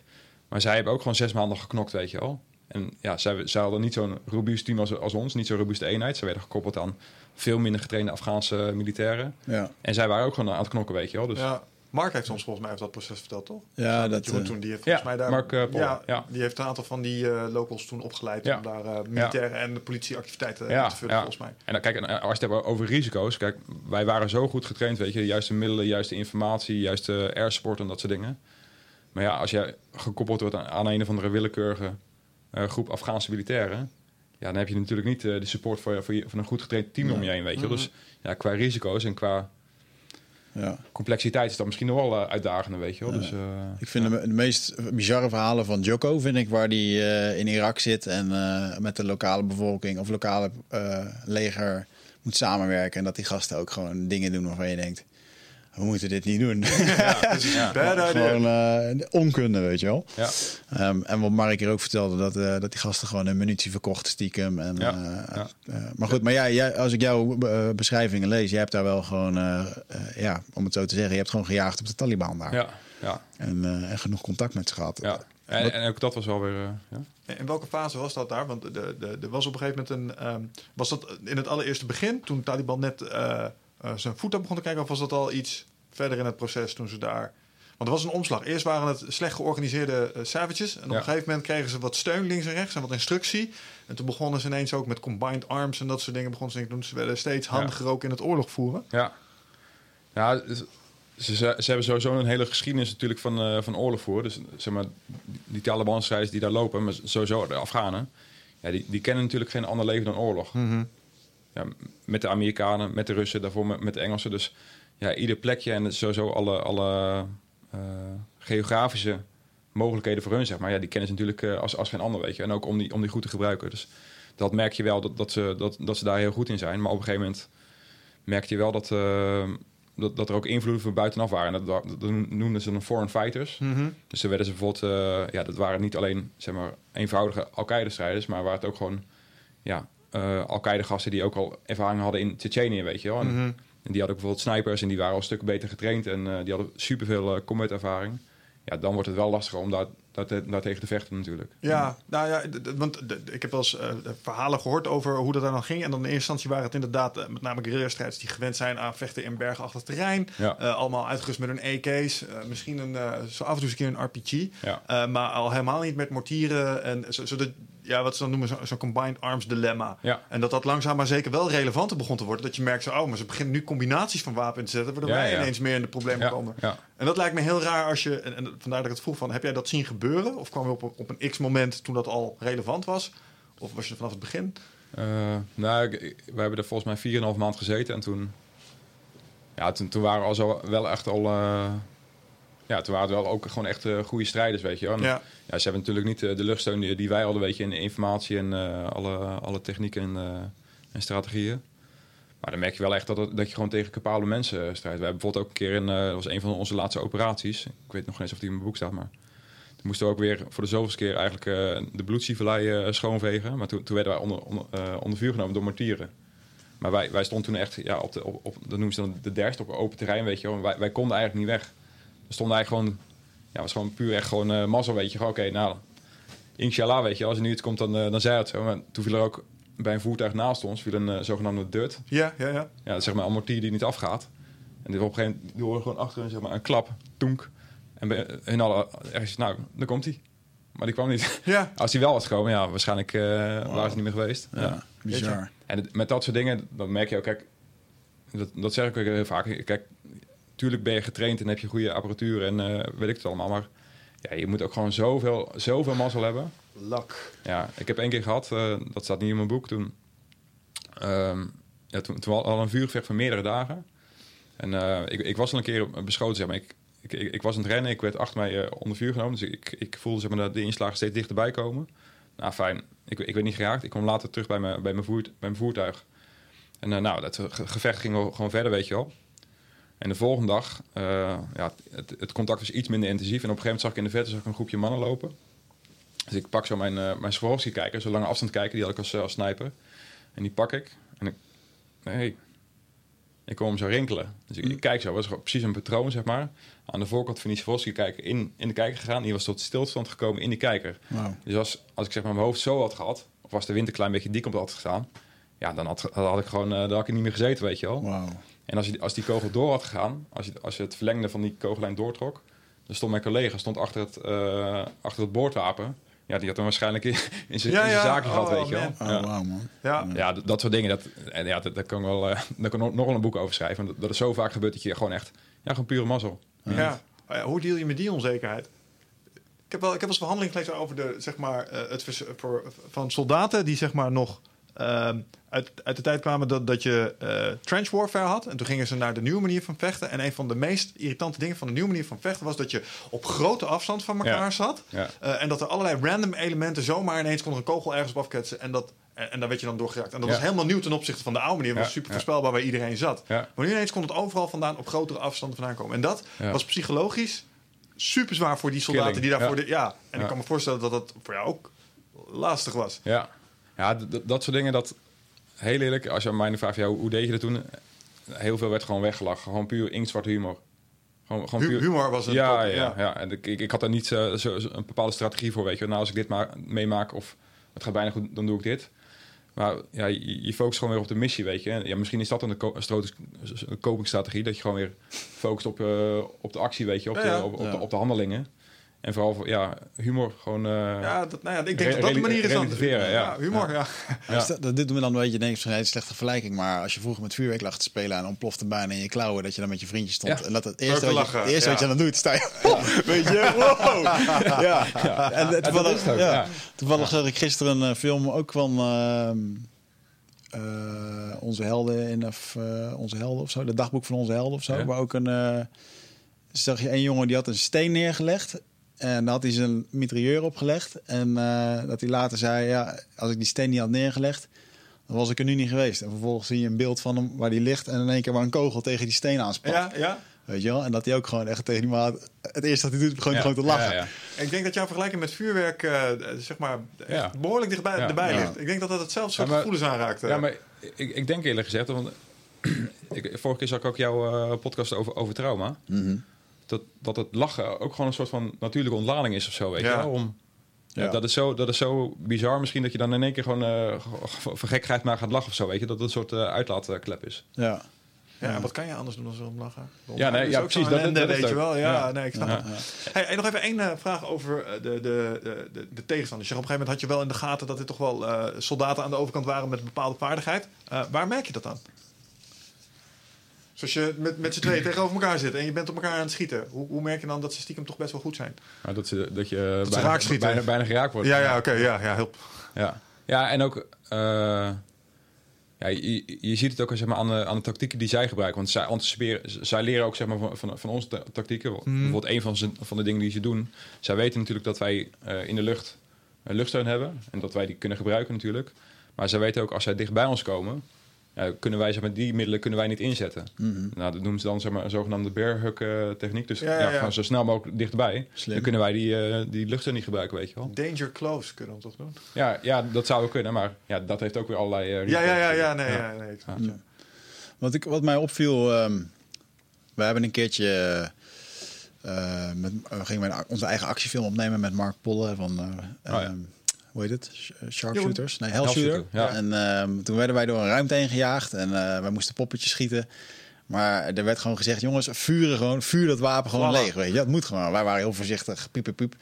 En toen zag ik laatst een, een, eh, een interview van ehm, eh, Marco Kroon dat hij eh, in zijn eerste contact in Afghanistan eh, had hij 30.000 patronen met zijn ploeg eh, verschoten in een vuurgevecht. En dat hij toen terugkwam en dat Nederland zo verleerd was om oorlog te voeren, dat hij vervolgens een formulier moest invullen waar dat hij dan heen had geschoten, waar dat was gebeurd. En, en dat hij gewoon zei, ja, het is gewoon onmogelijk. En toen dacht ik wel van ja, maar volgens mij, en ik denk ook niet dat ik het besef als je het niet hebt meegemaakt. ehm, het, geweld van 30.000 patronen afvuren. Wat gebeurt er dan in zo'n gevecht, weet je wel? Ja. En wat voor druk, wat voor... eh, Dat- Kan je dat eens omschrijven, wat daar dan precies gebeurt voordat dat moet gaan gebeuren? En, en, en ehm, er is dan op dat moment natuurlijk geen... eh, je, je, je moet vechten voor je leven, dus dan doe je dat. En dan is het volle kracht, denk ik, vooruit. Ja. Maar kan je, dat eens, kan je dat eens proberen te beschrijven in een... eh, Ja. nou, we hebben bijvoorbeeld ook eh, aan de hand van de situatie... We hebben bijvoorbeeld één keer gehad eh, dat we een, een rivierstuk over moesten doen, zeg maar. En het idee was eigenlijk om, om de Taliban in eigen gebied aan te vallen. Dus eerst de riviersteek. vanuit, dat was vanuit de. Dat, dat controleerden wij, zeg maar. Moesten de rivier de Helmond oversteken. En vervolgens kwamen we in de provincie Helmond. En de, Helmond, dat gebied daar was echt Taliban-gebied. En wij wilden dat Taliban-gebied eigenlijk doorkruisen... om vervolgens aan de achterkant, zeg maar, de Taliban in hun rug aan te vallen. Dus op eigen gebied. Dat was het idee. Nou, fijn. Wij die rivier oversteek eh, gedaan, zeg maar. En dat, dat, dat ging nog net goed. En dan, word je, ja, dan ben je al onbekend, weet je. Dan weet je al lang dat je eraan komt. En wij stonden met, met al onze voertuigen, met 14 voertuigen, stonden aan de andere kant van die, van die oeverbank. En toen kwam ons eerste voertuig kwam, eh, onder contact. En op dat moment ja, brak de hel eigenlijk los. Wij, wij, wij reden eigenlijk met onze, met de- onze hele kolonne reden we eigenlijk in een, in een ambush. Dus wij werden niet alleen ehm, vanaf de Taliban-zijde werden wij eh, bevuurd, zeg maar, maar ook vanaf de zijde waar wij vandaan kwamen. Dus het was gewoon 360 werden wij bevuurd. Zat je in een uur? Een- zat zij in een uur? Of weg in een rondje om je heen? Ja, ja een, so- een soort ronde inderdaad. Ja. Ja, het, Oh, wow. het zal geen hele eh, mooie 360 zijn geweest, maar wel, wel vanaf de voorkant, vanaf de achterkant en vanaf de, de zijkanten, zeg maar. Oh shit, ja. Maar er zijn dan natuurlijk met, eh, met 14 voertuigen. Met, ja, ieder voer, je moet je voorstellen, eh, de Jeep die heeft een, eh, een boordwapen, een punt 50 of een eh 40 mm granaatwerper. Daarnaast heeft die Jeep ook nog een, een MAG, dus ook een zwaar bandgevoerd ma- machinewapen. En je hebt je eigen wapens nog, weet je wel. Dus per voertuig heb jij misschien ja, sowieso drie of vier wapens, wapensystemen die veel aan het, intensief aan het vuren zijn. En in tegenstelling tot de film, het is niet zo zeg maar, oké, daar zie je een, een Taliban-strijder lopen, je schiet een paar keer en dan is hij weg, weet je wel. Het is bij Duitsers vaak zie je alleen monniksvlammen waar je op kunt richten, weet je wel. Dus je hebt hem niet helemaal eh, scherp. Dus dan is het ook gewoon een kwestie van heel veel lood die kant op pompen om hun hoofd weg te houden, zodat jij zeg maar ja, kunt gaan manoeuvreren, weet je wel. Ja. Ja. Dus zo zijn er zeg maar 14 voertuigen met ieder, ieder voertuig meerdere wapensystemen. Die zijn maximaal aan het knallen, 360, om zeg maar om te overleven. Fuck. Dus ja, dan gaat het heel snel met de munitie natuurlijk. Ja. Ja. Kun, je daar nog eens iets meer over vertellen, over dat concept van druk? Eh, want ik weet dat, dat het natuurlijk hele andere stakes heeft. Maar ik heb eh, als sport eh, fanatiek gepaintballed, toernooitjes Ja. gedaan en dat soort dingen. Eh, en ik kwam daar ooit binnenlopen vanuit het paintballen vanuit vrijgezellenfeesten. En dan heb je 100 balletjes en dat is fucking veel. Ja. En het eerste wat je opvalt is dat die professionele, professionele spelers, dus de mensen die het doen voor de toernooien, die leggen echt lijnen, jongen. Die schieten echt eh 15 ballen per seconde af of zo. Die, waarom? Kun je Mm. Ja. er niet langs rennen? Ja. Ja. En dan zit je dus vast. En dan ondertussen loopt er iemand anders op je af. Terwijl jij achter zo'n ding ondergespetterd wordt. Ehm, en, en, en dat stuk van, van druk. Ehm, dat was iets wat je, als je nog nooit in zo'n situatie hebt gezeten, dat, dat leer je dan pas. Zo Ja. van, oh, dat is hoe ze dat doen. Ja, Ze, ze, ja. ze leggen gewoon een, een lijn en ondertussen is iemand anders op je aan het manoeuvreren. Ja. Ehm, dat is, ik neem aan dat, dat die paintballers dat hebben afgekeken bij jullie. Dat weet ik niet. dat, dat weet ik niet Als, in, als het gaat om druk zetten, vervolgens Ja. cover and move eigenlijk. Ja, ja, ja ik, ik weet niet of dat echt eh, druk is, maar dat zijn echt gewoon ja, militaire ta- tactieken natuurlijk om, eh, ja, om te manoeuvreren en om, zeg maar, om, de, om de vijand uit te schakelen inderdaad. Ja. en, en ja, daar, daar heb je natuurlijk hele boeken vol met, eh, met allerlei tactieken en strategieën. Ja, Dus ik, ik denk wel dat die... eh, dus ik, ik weet niet, ik begrijp niet, je vraagt niet helemaal of dat Ja, dat is, wat ik, dat is wat ik bedoel. Want Ja. wat ik je hoor zeggen is, we hebben een aantal wapensystemen. Ja. Wat we vervolgens doen is, we verwachten dat ze daar zetten. Je zegt net, de verwachting is, en die Ja. had ik ook toen ik begon met paintballen, was je schiet een paar keer. ja. Ja. En, en het is daar niet meer weg. Ja. Maar het is echt vol gas daarop. En ondertussen, je blijft daar druk op houden. En ondertussen is iemand anders bezig om een betere Ja. positie te Ja. krijgen ten opzichte van die positie. Ja, ja absoluut hoor, absoluut.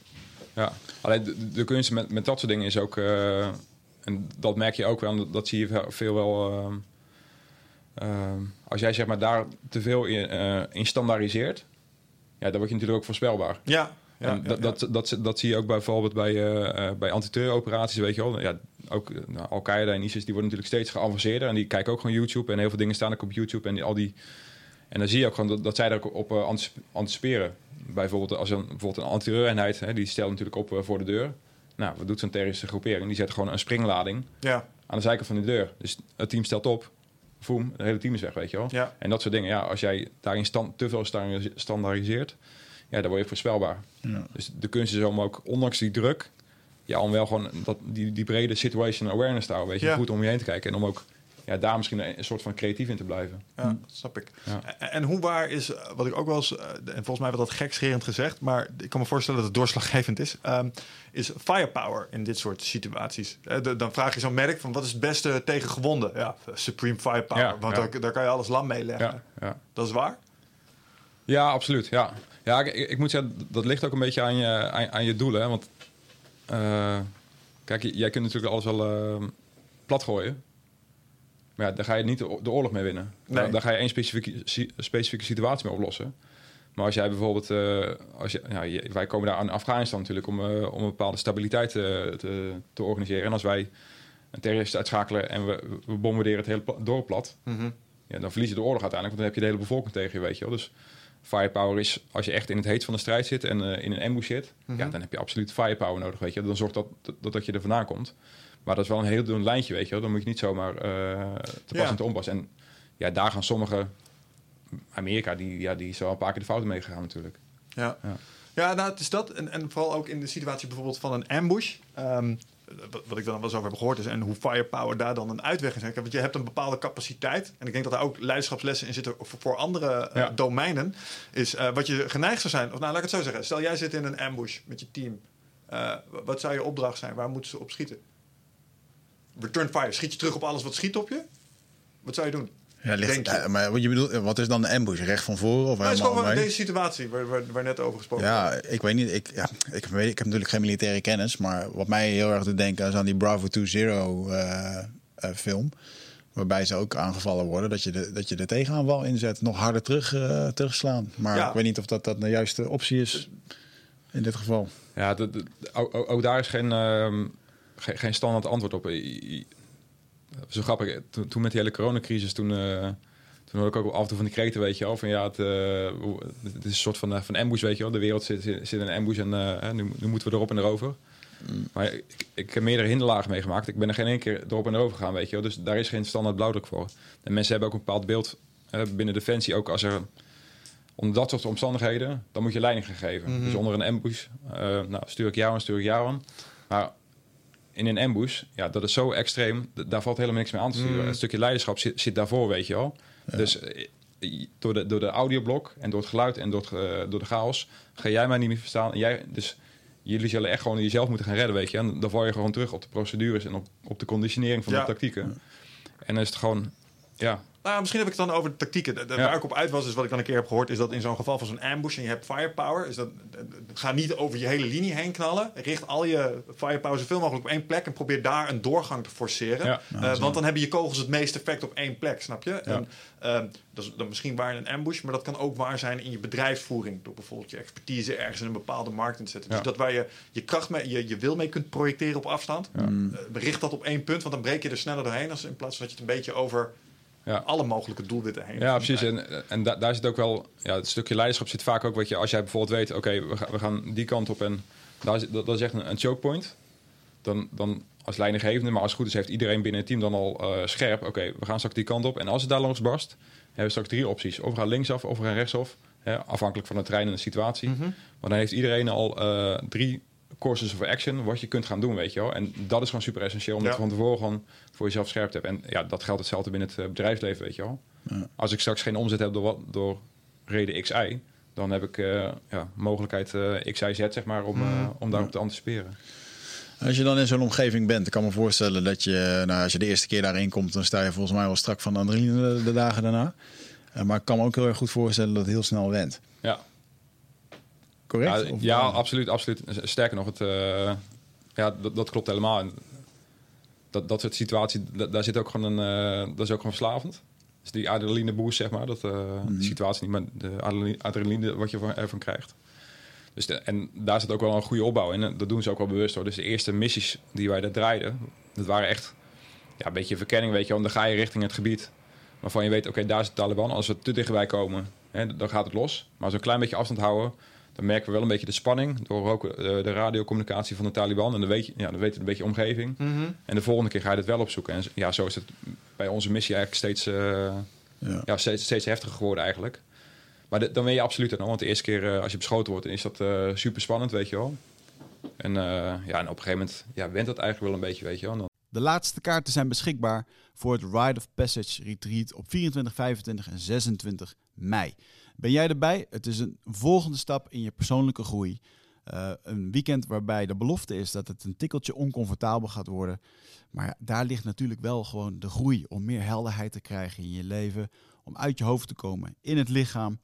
ehm, achter te laten wat je niet meer dient. En om echt de volgende stap te maken door de oude patronen te doorbreken, te doorzien, te doorvoelen en, en te helen. En daarvoor wil ik je heel graag uitnodigen. Eh, en ik hoop dat jij een van die laatste bent die nog aansluit bij het Ride of Passage Retreat. Ga naar wichertmeerman.nl, klik op Retreat en ik zie je daar. dan, eh, Krijg je daar in Nederland trouwens ook een, eh, een badge voor? Ik geloof dat in Amerika als je onder vuur hebt gelegen, dan krijg je een speciale ja, je krijgt erkenning. een gevechtsinsignie, ja. Ja, ja. Ja. Van, eh, je hebt het meegemaakt. Ja. Oh, dat is in Nederland ook. Ja. Oh, Ja. Interessant. En als je, maar als je dan, eh, nou goed, dan zit je daar in die spanning. Ik kan me ook wel voorstellen, jullie hebben ook veel, eh, je werkt met tolken, met eh, misschien wel spionnen van de Taliban of andere.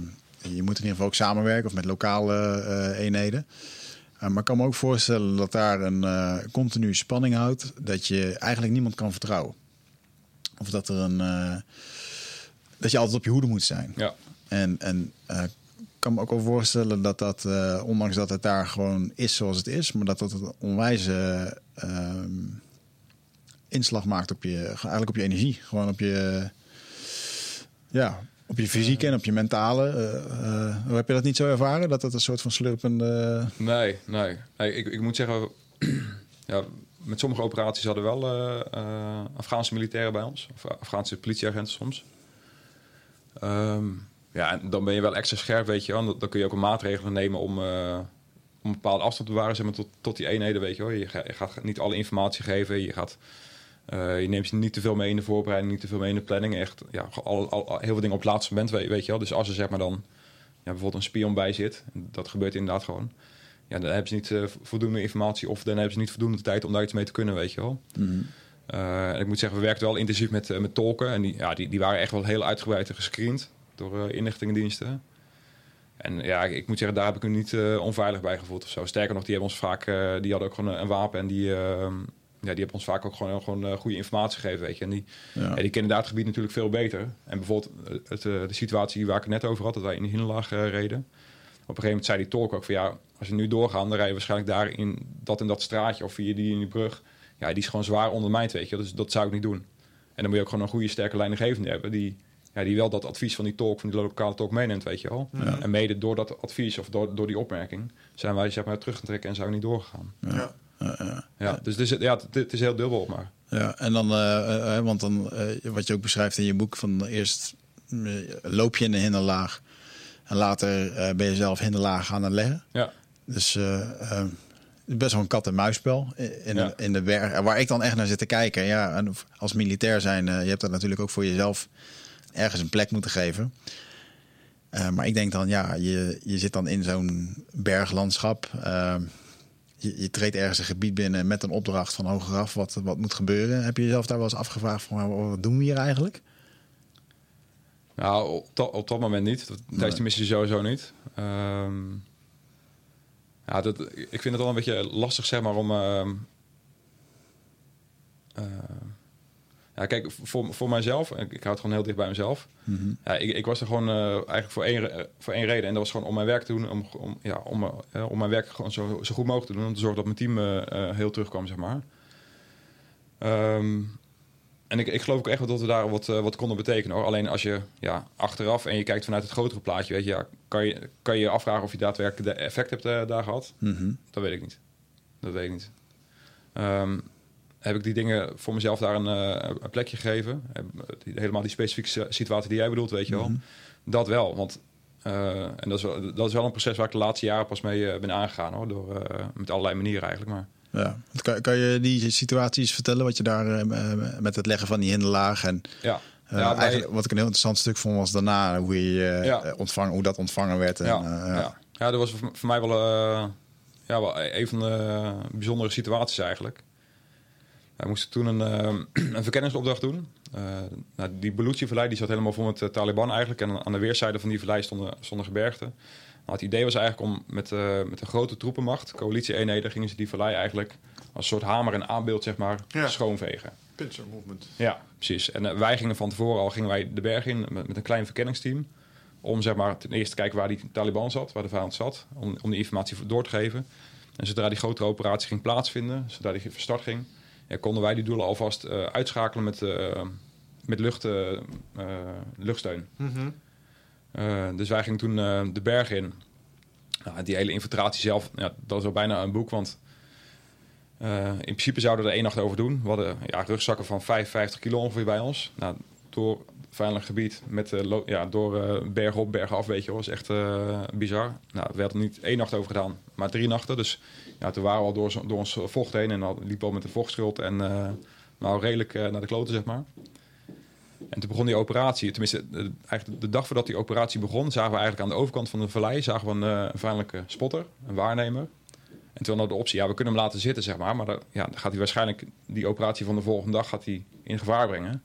Dus wij kozen er op dat moment voor eh, om die spotter uit te schakelen met een, eh, met een bom. Dus eh, onze forward air controller, die met straaljagers praat, die praat op de doel een straaljager, die gooi een bom. En die, ja, die, die spotter die was uitgeschakeld. Ja, in die vallei zit, zit, zit natuurlijk ook Taliban en die zien daar een bom vallen. En die weten, oké, als daar een bom valt, dan zitten hier waarschijnlijk eenheden. Nou, wat zijn de beste spotjes om daar te zitten? Nou, die kennen ze natuurlijk ook als, Ja, als ja, ja. ander. Dus in principe waren wij onderkend.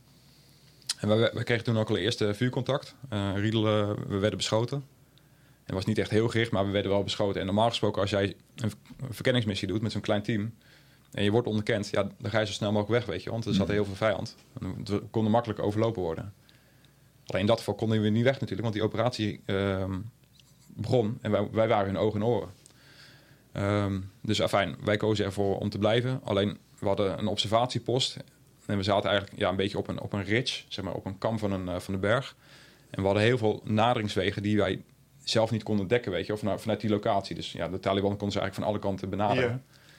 Dus toen kozen er eigenlijk voor om met een klein element midden in de nacht op pad te gaan om onze eigen beveiliging te creëren.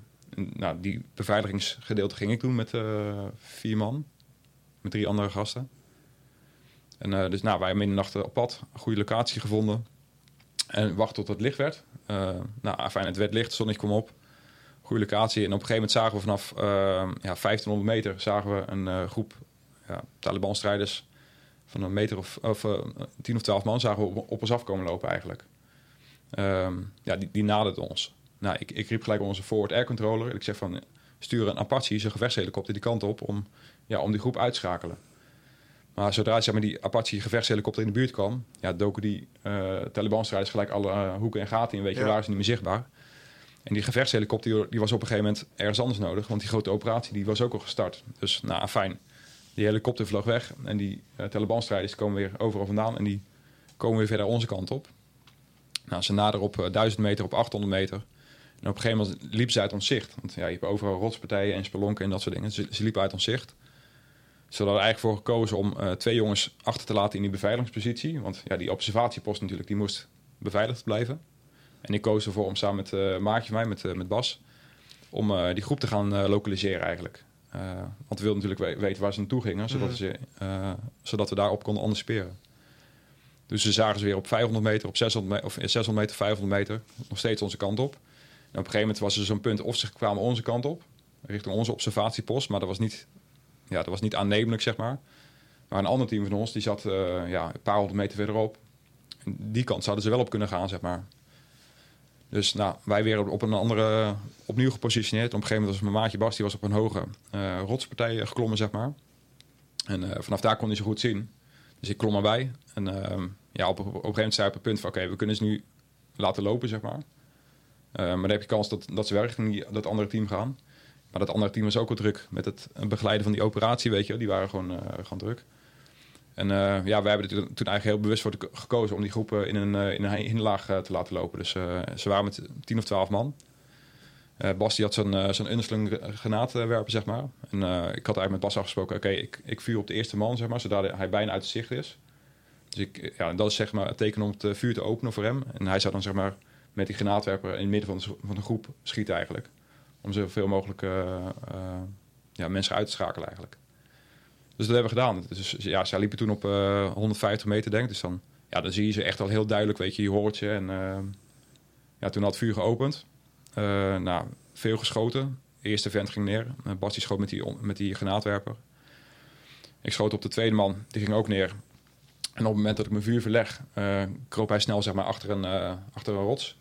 En toen zagen we eigenlijk wel van ja, we hebben wel echt meerdere gasten geraakt en misschien wel uitgeschakeld. Maar er is ook nog een groep die we niet hebben geraakt, weet je. Die kroop gelijk achter die rots natuurlijk. En die hadden wel nog steeds raketwerpers en eh, eh, automatische wapens. Dus toen hebben we eigenlijk voor gekozen om met z'n tweeën naar beneden te gaan. Eh, dus we klommen weer van die, van die pilaar af. En die zijn die groep gaan naderen. Ehm, ja, en zeg maar, die nadering, ja, dat, dat was ook gewoon bizar eigenlijk. Want je hebt zoveel rotsen en dode hoeken en onbesteken ruimtes, zeg maar. En ja, die dreiging die, kan dan van alle kanten opkomen, weet je wel. Want je, je gaat dan een groep naderen, tien of twaalf Taliban-strijders... die gewond zijn, die zware wapens hebben... die, ja, die, al, die al beschoten zijn natuurlijk. Dus die zijn helemaal, eh, helemaal hyper. Dus dat was echt gewoon ja, een granaat gooien om het hoekje. Oké, een granaat ontploft. Hoekje veiligstellen. Granaat gooien om een hoekje. Hoekje veiligstellen. En zo zeg maar, gingen wij niet naar die, eh, naar die groep toe.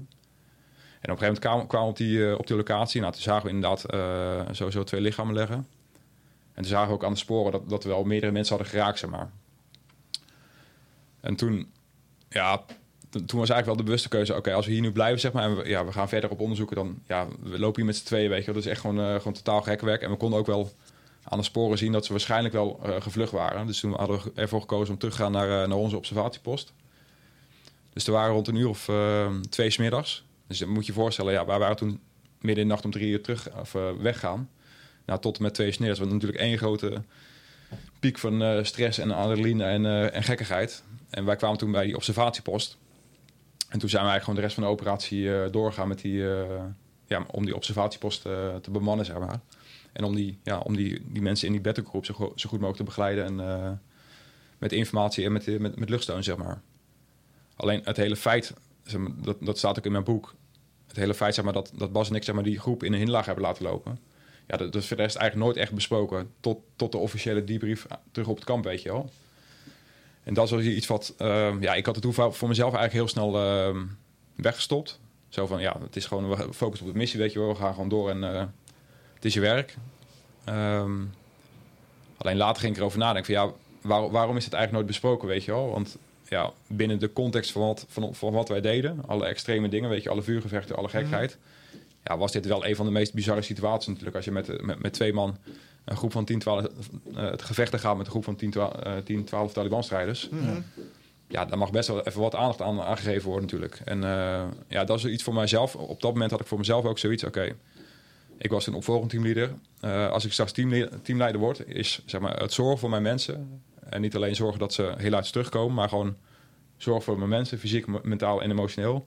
Ja, dat wordt gewoon een van mijn kernwaarden als, als, als teamleider, weet je, als, als leidinggevende.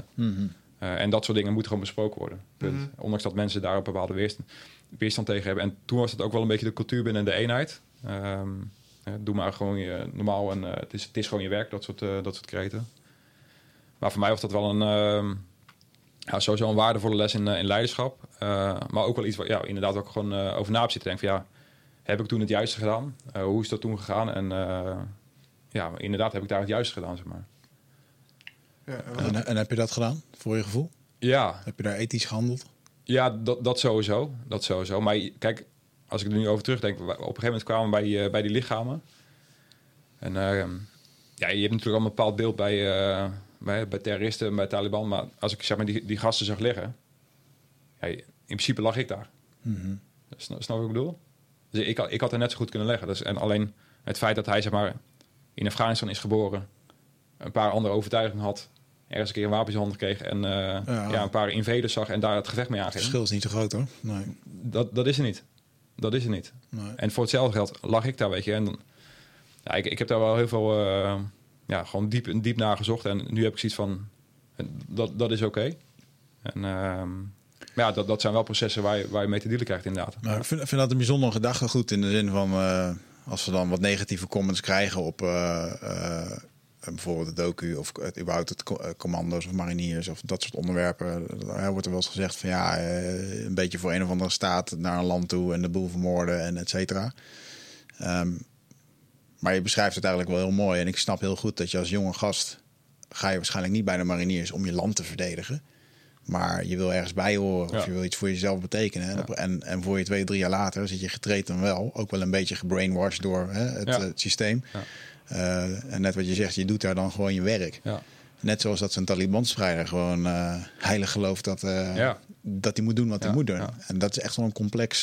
Ja, dat, dat, kijk, dat, dat, dat, is zo grijs, weet je. En da- da- daar zit ook geen, geen waarheid in.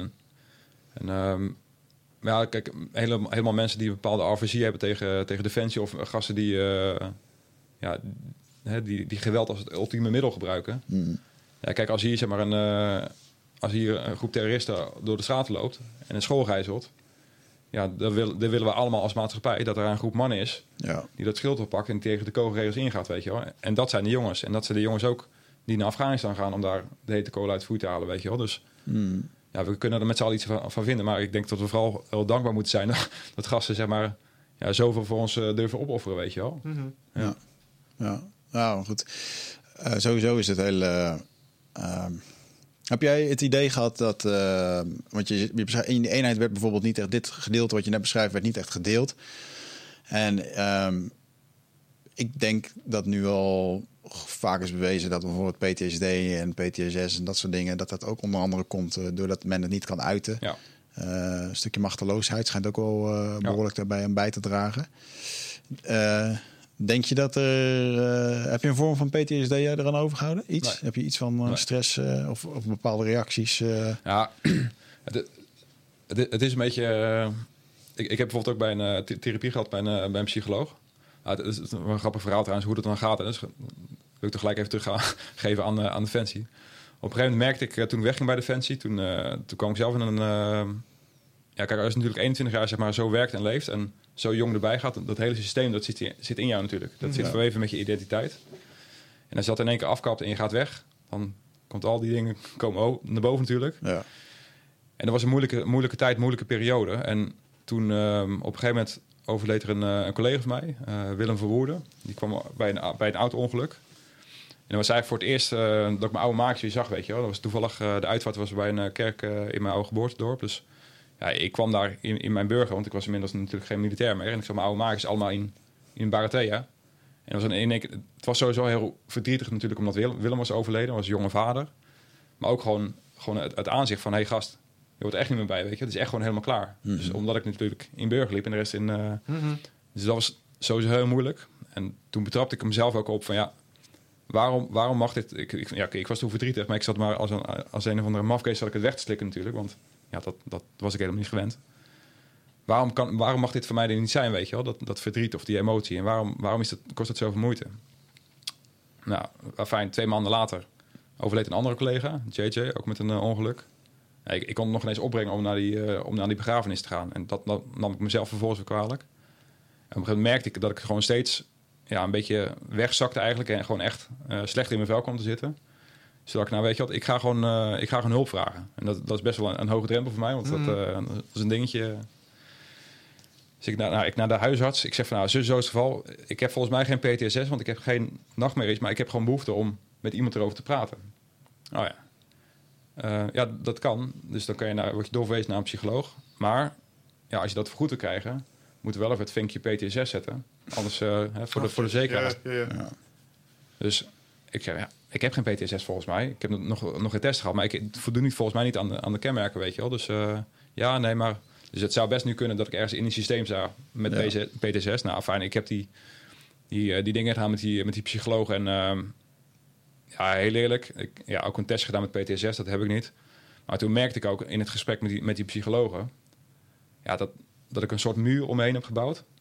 En daar gingen zij niet doorheen, doorheen komen. Nee. Want ik merkte op een gegeven moment, ik, ik, ik lees ook over psychologie en ik, ik hou me bezig. Ik vind me- mensen interessant, weet je. Dus na dat traject merkte ik eigenlijk van, hey, ja, ik heb haar gewoon een beetje naar de mond gepraat, weet je wel. Ik heb haar eigenlijk eigenlijk voor, voor de gek gehouden. En ik heb vooral mezelf gewoon een beetje voor de gek gehouden, weet je wel. Dus eh, Ja, Maar had je het idee dat ze jou nooit zou kunnen begrijpen, omdat ze, eh, ik noem even wat, even denigerend, een GGZ-psycholoog was? Of had je het idee, eh, ik laat gewoon niemand binnen bij dit?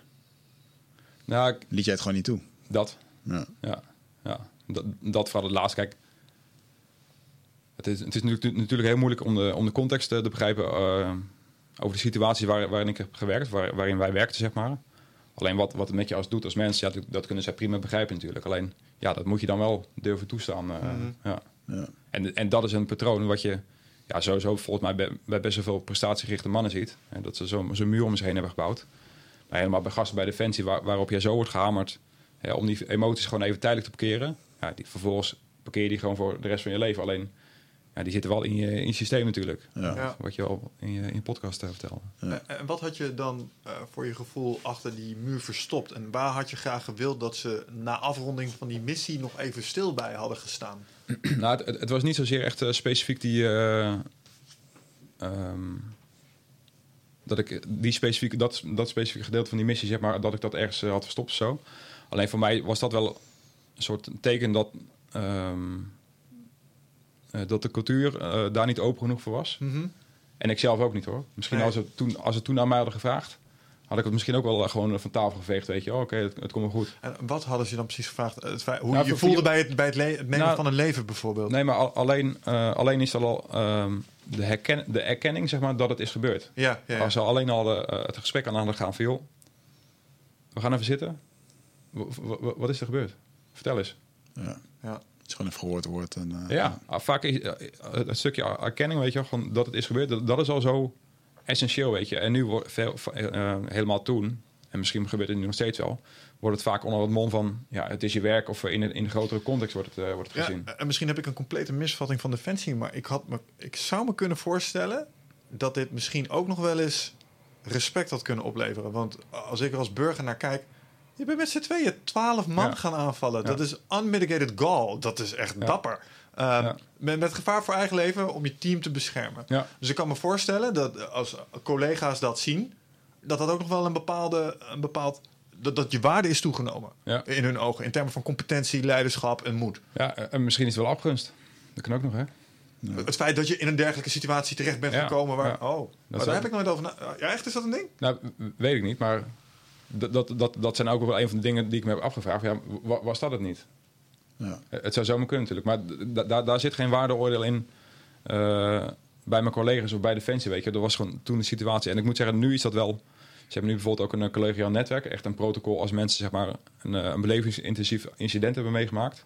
Of een vuurgevecht of een bedrijfsongeval. Ja, dat, is, echt een prachtig eufemisme voor Ja. eh, geweld. Ja, nou, ze, ze- willen zeg maar niet specifiek het, het, het woord trauma gebruiken. Ja. Omdat mensen associëren dat gelijk, oh, dan heb ik een trauma. Dat noemen ze dan een belevensintensief incident. Maar dan hebben ze wel echt een protocol dat het wordt besproken, weet je wel. Met iemand, eh, met de eerste, laars, eerste lijns eh, collega. Ja. Dus dat protocol is nog wel, die is nog wel alleen... Ja, je kunt wel dat protocol ingaan. En je kunt wel een collega tegenover zetten die zo'n gesprek leidt. Mhm. Alleen dan moet je wel durven openstellen, weet je wel. Ja. Ja. Ja. Hey, en eh, kun je me nog met één ding helpen als het gaat om... Want, want je zegt, eh, ik, ik zie iemand eh, van wie ik het leven heb genomen, zie ik liggen. Dat had ik kunnen zijn. Ehm, maar als ik kijk naar wat er in Afghanistan is gebeurd... en ik kijk naar de mensen die daar... de- de- jullie tegenstanders... en ik kijk hoe zij bijvoorbeeld omgingen met dingen als rules of engagement. Ja, Zich verstoppen achter vrouwen en kinderen. ja. Kun je dat nog een beetje meenemen? In je beleving daarvan? Of, Ja. of valt dat eigenlijk gewoon weg? Ehm, Op mij komen ze over als evil, als de bad guys. Ja, kijk, snap je? dat, is, dat is natuurlijk. eh, kijk, als, als mens zeg maar, zijn we niet geconditioneerd om. eh, is het heel tegen natuurlijk om op mensen te schieten. Ja. En na de Tweede Wereldoorlog hebben ze onderzoek gedaan. En toen kwamen ze er eigenlijk achter dat. Ja, volgens mij iets van 80% van de vuurgevechten, ik weet niet of je het onderzoek kent, Ja. van de mensen die schoten gewoon expres mis. Ja. Weet je, die, Ja, ja. En nou, toen zijn ze, er kwam de Vietnamoorlog, toen zijn ze gewoon ten eerste de tegenstander gaan dehumaniseren. Dus ja, de vijand dat was eh vizier, er waren spleetogen, et cetera. Ja. Dus er wordt dan wat makkelijker. Hè, de, de, de, de, de klapschijven die werden wat menselijker, zodat je wat makkelijker gaat schieten, weet je wel. Dus Je bedoelt de doelen waar je op traint. ja, precies. Oh, ja. ja. Dus ze, ze hebben de hele de trainingsvorm wordt steeds realistischer, hè, om, om zeg maar het, het doden eigenlijk steeds eh, makkelijker te maken voor, eh, voor mensen. Ehm volgens mij ben ik je vraag kwijt hoor, maar... Nou ja, dat- Nou, of, of, of, of in je beleving, zeg maar, van het, van, van het, ja, het helaas moeten nemen van zo'n leven. Of daar nog iets in staat van, ja, maar dit zijn wel Taliban. En deze lui gebruiken Ja, zo. kinderen Ja, en, ja, en vrouwen als schild. Dus Ja. Ja. tough luck guy, weet je wel. Ja, nou, ik, ik, moet zeggen dat. Ja, dat, dat- dat vind ik wel heel lastig. Natuurlijk gebru- gebruiken ze echt ehm, ja, bi- bizarre middelen, weet je, en barbaarse middelen en, en middelen die wij niet, eh, die wij niet begrijpen. Wij, wij hebben het ook meegemaakt hoor. Dan lagen we zeg maar eh, in een overheidpositie en waren de green zone eh, aan het waarnemen. En we wisten, oké, het vuurgevecht kan op een moment losbarsten, weet je. We wisten waar de, waar de Taliban zat. En die, zeg maar, de gasten die wij zochten, die kwamen inderdaad ook gewoon letterlijk. Die gingen zich verplaatsen, omringd door, door een Ja, gezinnetje. ja, ja, dat. Ja. ja. Dus zij wisten dat wij niet gingen schieten. Maar ja, heel eerlijk, of jij nu zeg maar een bermbom ergens legt eh, als je Taliban bent. Ja. Ja, of jij stuurt ergens een, eh, een bom op vanaf eh, twee kilometer hoogte. hetzelfde. Hetzelfde principe. Ja, het is allebei geweld, het is allebei... Ja, Dat snap ik. Maar jij, jij beschermt je leven niet met het leven van onschuldige burgers. Jij Ja. volgt de rules of engagement. ja dat klopt. En ja. zij niet. Ja. Ja. Maar, Ja, dat- dat- maar kijk, wat ik je hoor zeggen is dat dat maakt niet zo heel veel uit in de Nou, beleving van, van, van zo'n ja, zo'n confrontatie met, met, met de gevolgen van wat je gedaan hebt. Ja, ja. ja het, het, het is een heel moeilijk hoor. Want, ja, natuurlijk, het liefst zijn natuurlijk die mensen zien als, eh, als slecht. Als Ja. in en slecht. En ik, ik geloof absoluut dat er ook echt in en in slechte mensen bij zaten. Ja. Maar ja, ik ik ken ook eh, voorbeelden uit de geschiedenis. hè, dat, dat zeg maar de good guys, bijvoorbeeld de Amerikanen in Vietnam of de Nederlanders in, in Indonesië misschien. Ja. Ja, dat die misschien ook een keer over de scheef zijn gegaan. Weet je? Dat, dat er ook gewoon slechte mensen bij zaten. Ja. Ja, en, en ergens vind ik het, eh, hoe gek het ook klinkt, vind ik het wel bemoedigend. Het feit dat je, dat je niet zijn mentaal toch direct in die slechte categorie, dat, dat je er nog vragen over durft te stellen Ja. aan jezelf. Dus dat, dat, eh, dat ze niet volledig gedehumaniseerd zijn, Ja. ondanks dat jullie elkaar naar het leven stonden. Ja. Ja. Spreekt ergens voor, voor dat, dat, eh, de menselijke aard, snap je? We willen het eigenlijk liever echt niet. Nou, een mo- een mooi voorbeeld is bijvoorbeeld wel eh, Somalië. Toen, toen vaarde ik zelf met mijn team in een hinderlaag.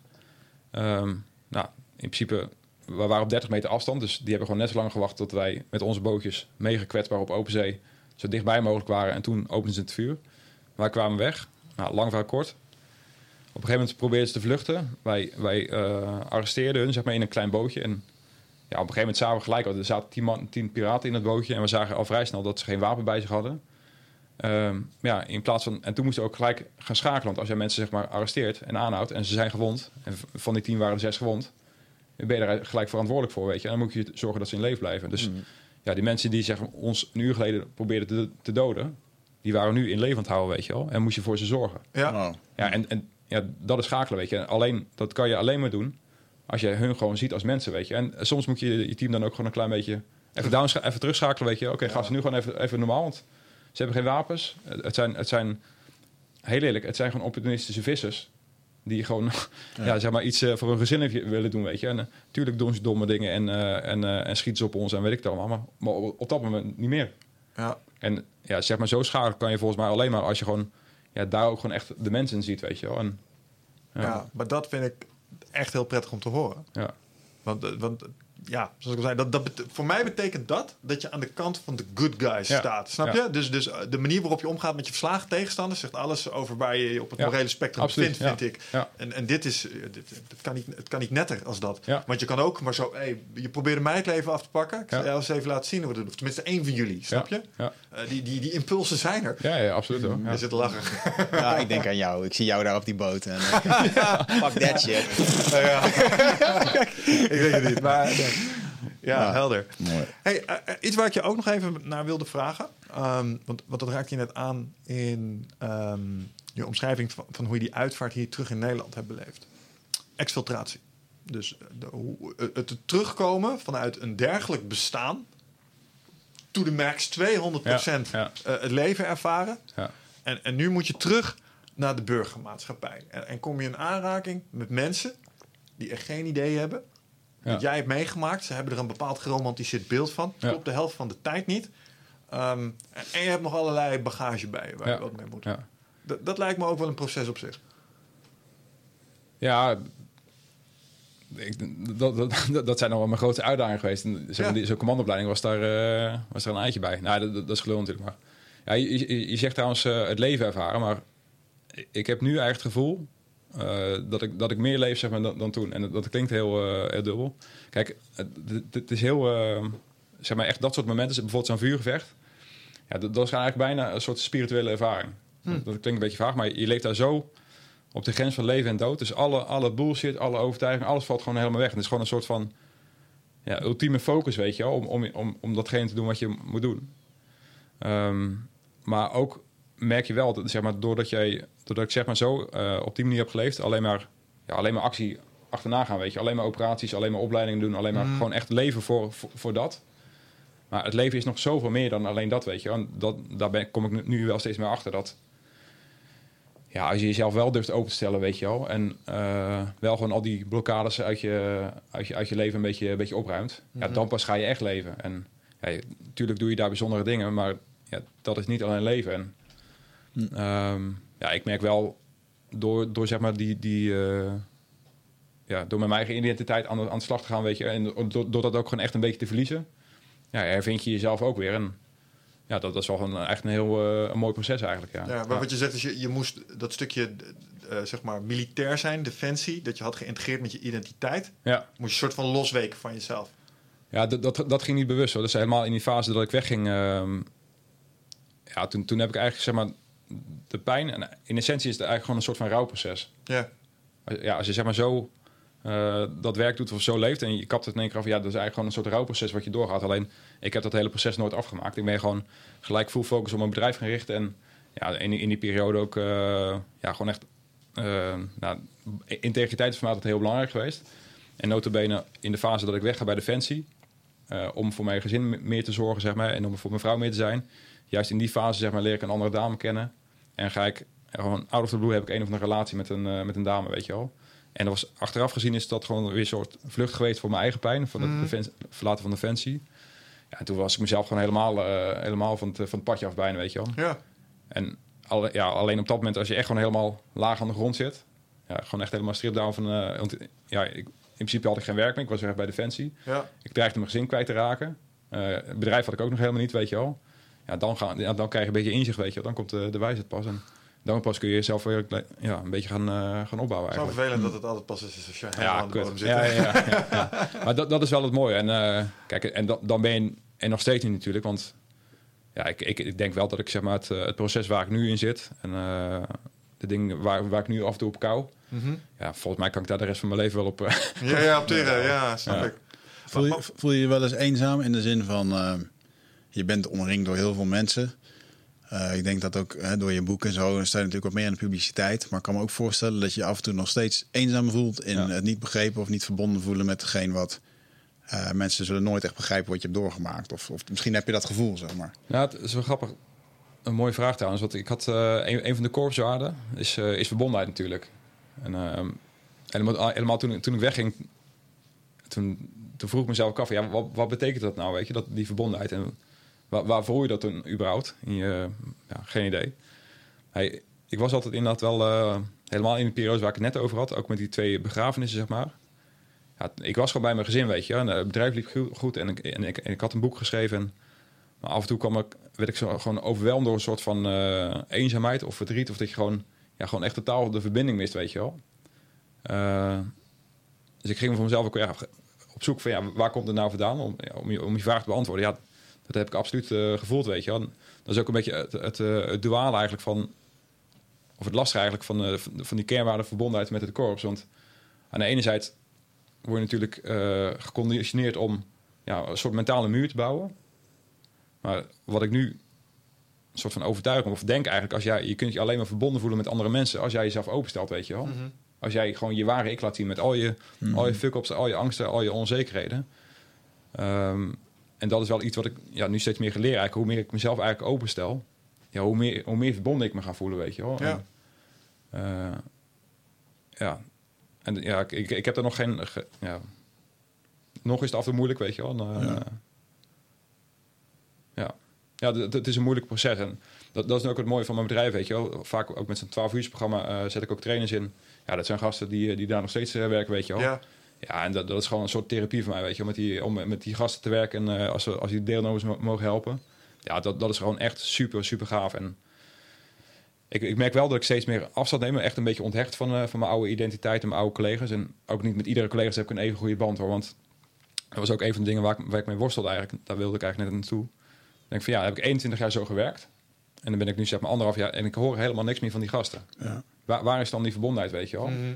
En ja, dan voel je je gewoon eenzaam, dan voel je je gewoon kut, dan voel je je gewoon verdrietig. En dan kun je een boek schrijven en dan kun je een gezin hebben, maar dan, dan, dan voelt het gewoon super alleen, weet je wel. Je hoort er gewoon niet meer bij. In Je, je, hoort, je hoort er niet meer bij, ja. En dan, ja, dan ga je ook uitzoeken van, ja, waar komt dat dan vandaan, weet je wel. Ja. En ehm, ja, ja dat, dat, zijn leerzame processen, joh. Ja. ja. Dat is bijzonder. Hè? Dat is wel echt een, eh, een harde uitspraak ook, maar wel heel waar. Ook veel gehoord in de psychologie. Dat eh, niemand zit op je te wachten. Het leven gaat gewoon door, weet je wel. Tuurlijk, je familie, je gezin, de mensen om je heen. Maar Ja. voor de rest, eh, eigenlijk de enige manier waarop men op je zit te wachten... is als je daadwerkelijk wat bijdraagt. Ja. Ga je eruit, dan draag je niks meer bij. Ja, dan was het een toffe tijd met je, maar ja. Ja. hoeven je niet meer. En dat kan echt heel afgedankt voelen. Ja. Wat, wat, wat, wat zou je mensen die terugkomen richting de burgermaatschappij, wat zou je die willen meegeven? Nou, het is wel grappig. Ik heb toen, ehm, toen ik zeg maar zelf een beetje wat verder in het proces zat en daar ook helder over, helderheid over kreeg, ging ik ook nadenken zeg maar, over, over dat, dat, die hele transitiefase, weet je, van weg bij Defensie. En het grappige is, ik, ben natuurlijk jarenlang duiker geweest. En als je duikt en je zit lang onder water, en dan bouw je stikstof op. En Ja, als het ja, snel ja. naar de oppervlakte komt, krijg je decompressie. Dus als je snel naar de oppervlakte komt, dan, dan komen je problemen. Maar in essentie bij Defensie doe je nu precies hetzelfde. Want 21 jaar werk je onder druk, werk je onder allerlei moeilijke omstandigheden. En ja, van tevoren heb je natuurlijk een heel selectieproces. En je krijgt informatie en je krijgt een opleiding om met die omstandigheden om te gaan. Alleen als we mensen Defensie verlaten, dan is het in één keer, plop, dan ben je weg, weet je wel. En ik denk ook echt wel dat daar zo'n soort eh, eh, verantwoordelijkheid ligt voor Defensie. Dat ze dat, die hele trans- transitiefase beter moeten faciliteren. Dan moet je eigenlijk gewoon een soort van ja, transitieprogramma. Want als jij bijvoorbeeld op missie gaat voordat je terugkomt in Nederland, heb je een adaptatieprogramma. Dus dan heb je, ga je bijvoorbeeld op Kreta, heb je gewoon een soort, ja, ga je gewoon een beetje ontladen, weet je, een diffusing, ga je wat gesprekken aan. En eigenlijk zouden ze zeg maar zo'n fase ook gewoon voor mensen die eh, weggaan bij Defensie moeten gaan, moeten faciliteren. Ja, Eh, jij hebt zoveel geïnvesteerd in, in, in- met, je hele, met je gezin en met, je, met jezelf in Defensie. En nu gaan we gewoon een klein stukje voor je nazorgen, weet je wel. Met goede gesprekken met psychologen. Hoeft niet. Of gewoon wat kun je verwachten als je, als je weggaat bij Defensie, weet Ja. je wel? Waar, waar loop je tegenaan? Gewoon vanuit ervaringsdeskundigheid. Ik kan me ook voorstellen dat je in zo'n gat valt. Je bent zo doelgericht bezig geweest jarenlang. Je, je hebt de hele tijd een soort missie gehad. Ja. Of het nou ergens naartoe trainen was, of Ja. je was ergens op een locatie om dingen te fixen, of je, je had het vooruitzicht van huis. En dan ineens is dat er niet meer. Ja. Eh, dus dus, dus je, je nut is een beetje Ja, de toch komen te staan Ja, of zo. dat, dat is het interessante eigenlijk. En ik, ik heb zeg maar dat, dat gat gevuld eh, met mijn bedrijf. Alleen later ging ik erachter van ja, wa- waarom zit het gat er eigenlijk? Want dat gat heeft er altijd al gezeten. Alleen die heb ik zeg maar, toen ik 17 jaar was, heb ik die geprobeerd te vullen met defensie. Ja, ja, ja, ja. Dus, en, en daarom is zo'n transitiefase ook volgens mij zo belangrijk. Je, gaat, je moet gewoon dan even teruggaan naar de kern, zeg maar. En dan kun je gewoon ja, een soort moment van helderheid krijgen over, ja, over, over, je, over je valkuilen, over je schema's, over, je, over het gat wat je probeert te vullen met externe prestaties. Mhm. Ja. Ja, snap ik. Mooi man. Hey, we moeten ergens een beetje gaan afronden. Ehm, ik wil het even hebben over jouw laatste bedrijf, eh, Unbreakable. Want jij neemt nu mensen mee eh, in jouw wereld, jouw Ja. oude wereld. Of nieuwe wereld moet ik zeggen, persoonlijke groei. Ja. En eh, jij neemt ze mee op eh, 12 uur lange expedities om zichzelf beter te leren kennen. Ja, ja. Wat gebeurt daar? Ehm, maar ik zal eerst kort toelichten hoe het, hoe het is ontstaan, zeg maar. Eh, ja, toen ik wegging bij Defensie ging ik natu- natuurlijk nadenken... hoe kan ik eh, datgene wat ik heb meegemaakt en ervaren... transformeren in iets van betekenis. En wat, wat vind ik zelf leuk om te doen en wat, wat, ja, wat vind ik zelf belangrijk? Wat, wat speelt er nu zeg maar, binnen, binnen de maatschappij? Waar, waar kan ik bijdragen? Nou, zo, ik heb zelf sowieso het meest geleerd eigenlijk onder... Ja, bijvoorbeeld tijdens een selectie of zo'n opleiding... als lui echt er doorheen zaten. Als je echt helemaal naar de kloten bent. Als het team niet goed samenwerkt door de druk of door de externe omstandigheden. Of als lui willen opgeven, weet je wel. Ja, dat zijn vaak wel de momenten eh, waarop je kunt leren, weet je wel. Dus, eh, dus toen dacht ik, ja, hoe gaaf zou het zijn... als je mensen onder dat soort omstandigheden brengt... En ja, bij mijn tijd bij Defensie was er eigenlijk nooit de, de tijd en ge- gelegenheid om, daarmee, om, om mensen daarin te coachen of trainen, weet je wel. Was jij gewoon niet geschikt. Maar als je dat dan vervolgens wel geeft, weet je. Dus als je die kunstmatige druk opbrengt, dan vervolgens kijkt van oké, eh, nou, je wordt nu onzeker of je klapt nu dicht, of je wordt niet boos, of je voelt nu angst, of je voelt nu frustratie. Maar wat kunnen we daarvan leren, weet je? En wat kunnen we nu doen? Dat jij zorgt dat je daar de volgende keer beter mee omgaat. Of dat jij eh, wel presteert onder druk. Met allerlei eh, ja, visualisatie, ademhaling, doelen stellen, en noem het allemaal op. Dat is eigenlijk mijn eerste concept geweest. Eh, waar, waarbij ik het 12 uur programma heb ontwikkeld eigenlijk. En, en dat was eigenlijk gewoon mijn eerste pakketpaaltje buiten Defensie. Dat was, ik, ja, ik had gewoon mijn training gezet op eh 24 april uit mijn hoofd. Ontslag ingediend. En dat was gewoon eerst ja, mijn eerste training, weet je wel. Nog, nog geen idee hoe dat ging lopen of zo. En, maar wel gewoon met de overtuiging dat ten eerste... dat de maatschappij daar wel eh, behoefte aan heeft. Want ja, stress en burn-out en, en omgaan met spanning en, en weerbaarheid... en dat soort dingen zijn echt volgens mij gewoon hele belangrijke thema's. En ik zie dit als, als een van de eerste middelen, zeg maar, om ook... ehm, ja, om, echt de verbinding met, met, met, eh, met zichzelf te herstellen. En ook met elka- elkaar te herstellen. Want dat zag ik ook als, als team, zeg maar, werken onder druk. Als ze dan een klein beetje ehm, eh, onder druk kwamen staan... vertonen ze eigenlijk heel primair gedrag. En ik denk, als je zeg maar, dat gedrag, als je dat bewust maakt van jezelf... en je gaat daarmee aan de slag... Ja, dan, dan ontstaat die verbinding binnen een team, weet je. En dat is niet alleen binnen een team of binnen een organisa- organisatie... maar dat is misschien ook wel als, als mens zijn, weet je. Dus als jij mentaal eh, weerbare mensen maakt... ja, maak je volgens mij ook een, een hechtere, hechtere eh, maatschappij. Dus gera- zeg maar, met, die visie ben ik gewoon dat 12 uur programma gaan eh, ontwikkelen. En eh, ja, eigenlijk heel 2017 eh, heb ik besteed om dat hele programma do- door te ontwikkelen. Dus die heb ik toen acht of negen keer georganiseerd. Ook met het idee zeg maar, om gasten met mijn achtergrond een andere ervaring te geven buiten Defensie. Dus oké, je hebt dit en dit gedaan allemaal bij Defensie. Top, maar wat kun je daar nog meer van betekenen, zeg maar, buiten Defensie, weet je wel? Ja. Dus als zij een keertje buiten Defensie willen kijken, dan hebben ze dat in ieder geval in hun rugzak. En dan, ja, in ieder geval ook, ehm, en ook, ik neem hen ook mee met, met andere trainingen. En ja, daar vertel ik ook, ook gewoon open over mijn, over mijn fuck-ups en mijn, mijn, mijn problemen en mijn ervaringen en mijn onzekerheden, zeg maar. Om die jongens, en dat verwacht ik niet van hun, maar ik laat hun dan op die manier wel zien. Hé hey jongens, gewoon die openheid naar elkaar, weet je. Daarmee eh, zoek je de verbinding en daarmee help je mensen toch het meest, weet je wel. Ja. Je, hoeft, je hoeft niet te vertellen wat, wat, wat ze moeten doen. Nee, je hoeft niet allerlei moeilijke trucs te geven. Als je, als je alleen nog gewoon open en eerlijk bent over jezelf en jezelf laat zien wie je echt bent, ja, dan, dan heb je echt die, eh, de verbinding volgens mij. Mooi. Ja. Ja. En dat ga je de komende jaren nog meer mee doen? Je wil gewoon zoveel mogelijk mensen daardoorheen... eh Ja, ja in 2018 eh, lag meer echt. toen kwam ik wel achter van ja, als ik dit zelf iedere maand organiseer. Dat, eh, want het programma duurt 12 uur. Het gaat een hele nacht door. Alleen om te organiseren ben ik zelf ook 30 uur in touw. En langzaam werd ik ook wel gevraagd zeg maar, om, eh, om dat voor bedrijven te doen. Alleen, ja, die gaan niet de hele nacht door natuurlijk. Dus dat concept heb ik eigenlijk doorontwikkeld naar een eh, training van een dag of een dagdeel. Ja. Voor directieteams en managementteams. Ja, uiteindelijk ook door mijn boek werd ik ook gevraagd voor, van presentaties. Dus dat, eh, ja, ik geef ook regelmatig presentaties.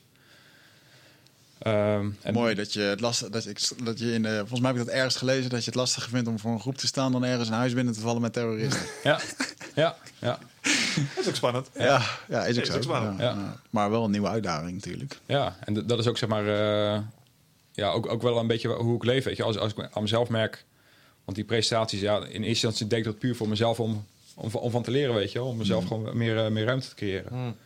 En uh, ja, gaandeweg werd het ook gewoon eh, makkelijker en leuker om te doen natuurlijk. En, ehm, ja, maar met name dat 12 uur programma is wel echt eh, ja, gewoon super gaaf om te doen, weet je. Maar helemaal met, met, eh, met een mooi team. En niet iedereen bij Defensie of met mijn achtergrond eh, hoef ik per se erbij te hebben als trainer. Want je moet ook gewoon, ja, je- tuurlijk moet je het mensen een beetje kunstmatig moeilijk maken. Maar volgens moet je ook kunnen schakelen, oké, eh, wat gebeurt er nu met jou en eh, hoe kan ik jou nu helpen, weet je wel. En die, die switch moet je ook wel even kunnen maken. Ja. En dat is ook wel ja, een talent wat je moet, eh, moet hebben natuurlijk, of een Beetje- vaardigheid. Coaching rol achter. Ja. ja, mooi. Cool man. En, eh, en dan komt het tweede boek aan. Ja, Wat, een, wat gaat het worden eh, ten opzichte van dit? Een vervolg of een... of een- Ehm nou, het, het- het is nog wel in, eh, onder constructie, zeg maar. Alleen, ja, helemaal met het eerste boek is best wel anekdotisch eigenlijk. Eh, en het tweede boek ja, zal wel wat, eh, wat praktischer worden eigenlijk, in grote lijnen. Dus ik heb een, eh, toen ik bij Defensie zat in mijn laatste periode, heb ik een soort eh, ehm, handleiding geschreven voor speciale operaties. Voor, eh, een planningshandleiding. Eh, dus ik wil eigenlijk zeg maar, die handleiding voor speciale operaties eigenlijk gebruiken om eh, ja, mensen meer eh, inzichten en handvat te geven op het gebied van eh, fysieke en mentale weerbaarheid. Ja. Ja. Ja. De wereld heeft het nodig. Dus eh, Ja, zeker in de komende jaren. Het komende jaar, ja, denk Ja. ik wel. Ja. Ja, man. Ja, mooi. Cool. Ja, we moeten een beetje gaan afronden, want ehm, eh, ik moet zo de deur uit. en we zitten bijna op twee uur volgens mij. Hè?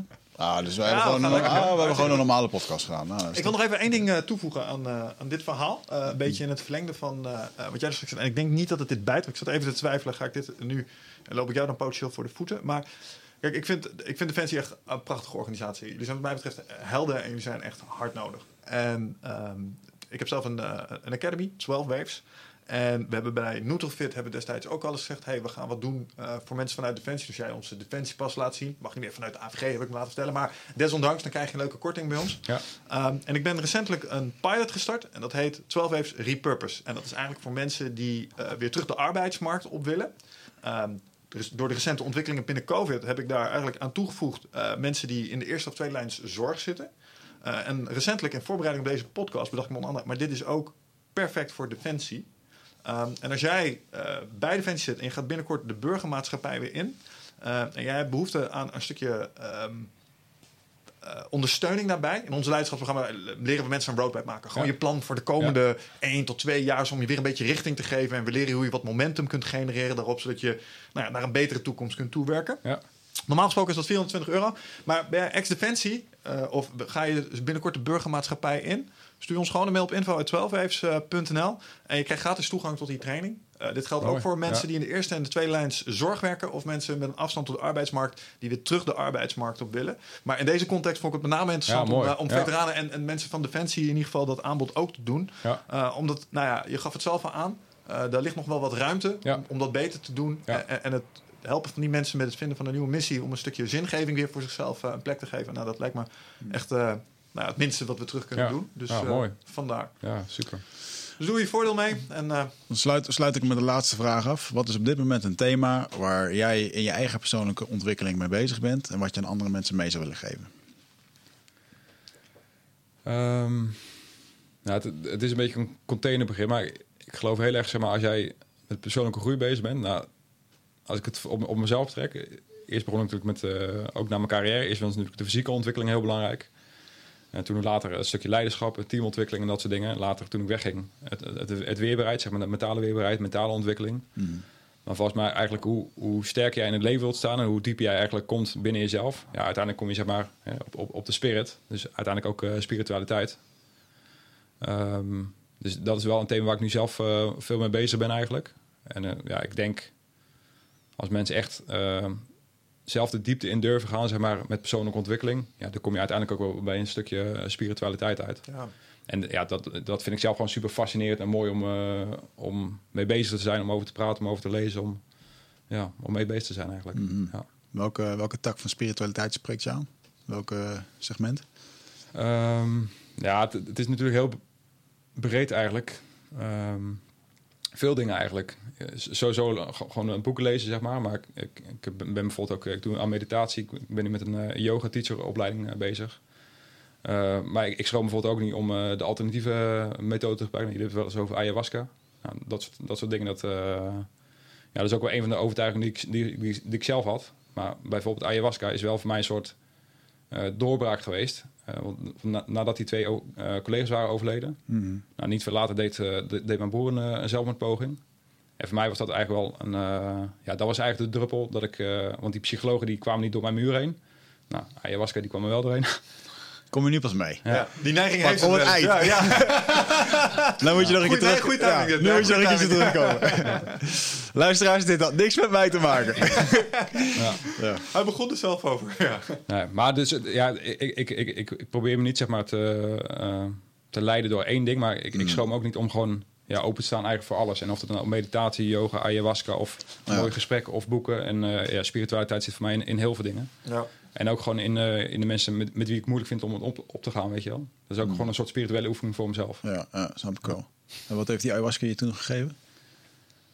Ehm, nee, ik wilde voor mezelf eigenlijk eh, weten wat mocht mijn broer wel bijvoorbeeld richting zijn levenseinde kliniek gaan, of eh, zijn, zijn poging was wel gelukt, wat het zou betekenen, zeg maar.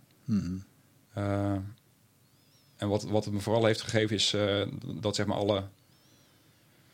Ja, het is een beetje lastig om te schrijven natuurlijk, maar het, eh, de, de, de- het probleem zit dan vaak in het oordeel. Wat, wat wij zeg maar hebben.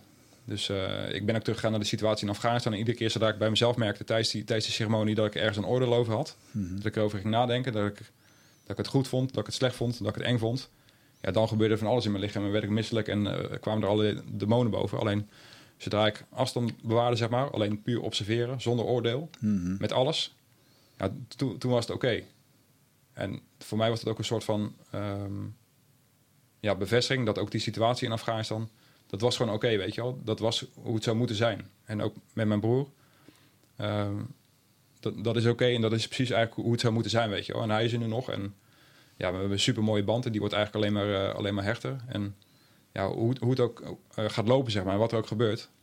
Ja, het is oké, want het, het loopt namelijk zoals het zou moeten lopen. Ja. ja, dat is Ja, geen goed en kwaad. Dat is Ja. wat het is. ja, je hebt het... Ja. eh eh, grappig gedraagt me wel, want het spectrum waar jij in zit, dat, eh, eh, dat uiteinde waar je in uit zit te denken, dat, eh, dat, dat speelt bij mij ook. Ja, En is ook wel vaker eh bovengekomen in, eh, in ayahuasca-sessies. Ja. Dat er een bepaald tijdstip aan vast zit en eh, een bepaalde uitkomst die een soort van onvermijdelijk is. En eh, ja, dat is best wel lastig om dat eh, te omarmen als eh, dan moet het gewoon zo zijn. Ja. En er zit heel veel machteloosheid en heel Ja. veel eh, wat als en had ik maar Ja. erbij. Ja. Eh, om jezelf daar toch iedere keer van af te trekken en het van een afstandje te kunnen zien en dat het inderdaad zo mag zijn. Ja. Dat is wel, ik, ik weet niet hoeveel tijd nog heb, maar ik, ik kwam, dat was dan niet bijvoorbeeld met, een tijdje geleden was, was ik bij een, ook, ja, voor mij is het een soort energiewerker of een soort shaman ge- geweest, dat was het niet met ayahuasca of zo. Maar toen kwam ik er ook al achter dat ik, ehm, ja, ik, ik draag heel veel last, mhm. heel veel pijn of schuld op de een of andere manier. En op, het moment dat ik daarvan bewust werd eigenlijk, eh, ja, wist ik ook van, ehm, dat ik het mocht lo- loslaten. Alleen ik was eigenlijk bang, of ben bang, als ik het loslaat, dat, ik, dat het bij degene komt voor wie het eigenlijk is, weet je wel. En die heeft al zoveel leed Mm. en die heeft al zoveel pijn. Mhm. Alleen dat zei die shaman ook van ja, als jij dat niet doet, ja, ont, ont- ontneem je eigenlijk die ander de mogelijkheid om echt te groeien, weet je wel. En jij Ja. kan pas echt voor degene zijn als jij datgene laat bij, bij wie het hoort eigenlijk. Ja, Want het- dan ontstaat er bij jou meer ruimte en dan kun je er nog meer voor hem zijn. ja. En ja, die ander, ehm, ja, die moeten dragen. Het, het ligt bij je eigen leiderschapsles. Het universum denkt in termen van ownership. Ja. En- En het is die andere persoon zijn werk. Ja. En er zit eigenlijk een soort, een soort van arrogantie in, in door te denken dat jij het Ja. voor ze ja, doen. Ja, ja. Ehm, dus dat is interessant. En dat, en, en- en ik heb zelf ook wel eens wat dingen moeten loslaten. Maar wat mij vooral geleerd heeft, is het niet loslaten, want dat lukt me nooit. eh, Maar het anders vasthouden. Ja. Dus, dus het anders benaderen. Ja. Zeg maar, het, kon niet, het, het, is wat het is. En het kon niet anders zijn als het was. Maar het was niet mijn schuld. Ja, En daarmee is het op, opeens heel anders. ja absoluut. Ja. Je, je kunt met een bepaalde compassie of zo kun je er, eh, Dat is het. kun je naar kijken. Ja, Ja. je mag jezelf daarvan eh vrijwaren. Ja. Ja. Maar ja, mensen met een overontwikkeld verantwoordelijkheidsbesef vinden dat moeilijk. ja, absoluut. Mooi. Oké, nou, ik vond het in ieder geval top dat je hier was, man. Eh, Ja. En eh, wellicht eh, zien we je nog een keertje terug. En eh, nog genoeg over te kletsen, volgens mij. Absoluut, ja. Eh, in ieder geval heel veel succes met alles wat je aan het doen bent. En, Dankjewel, eh, jullie ook. Luisteraars, we zien jullie de volgende keer weer. Tot de volgende keer. Ciao. Ja.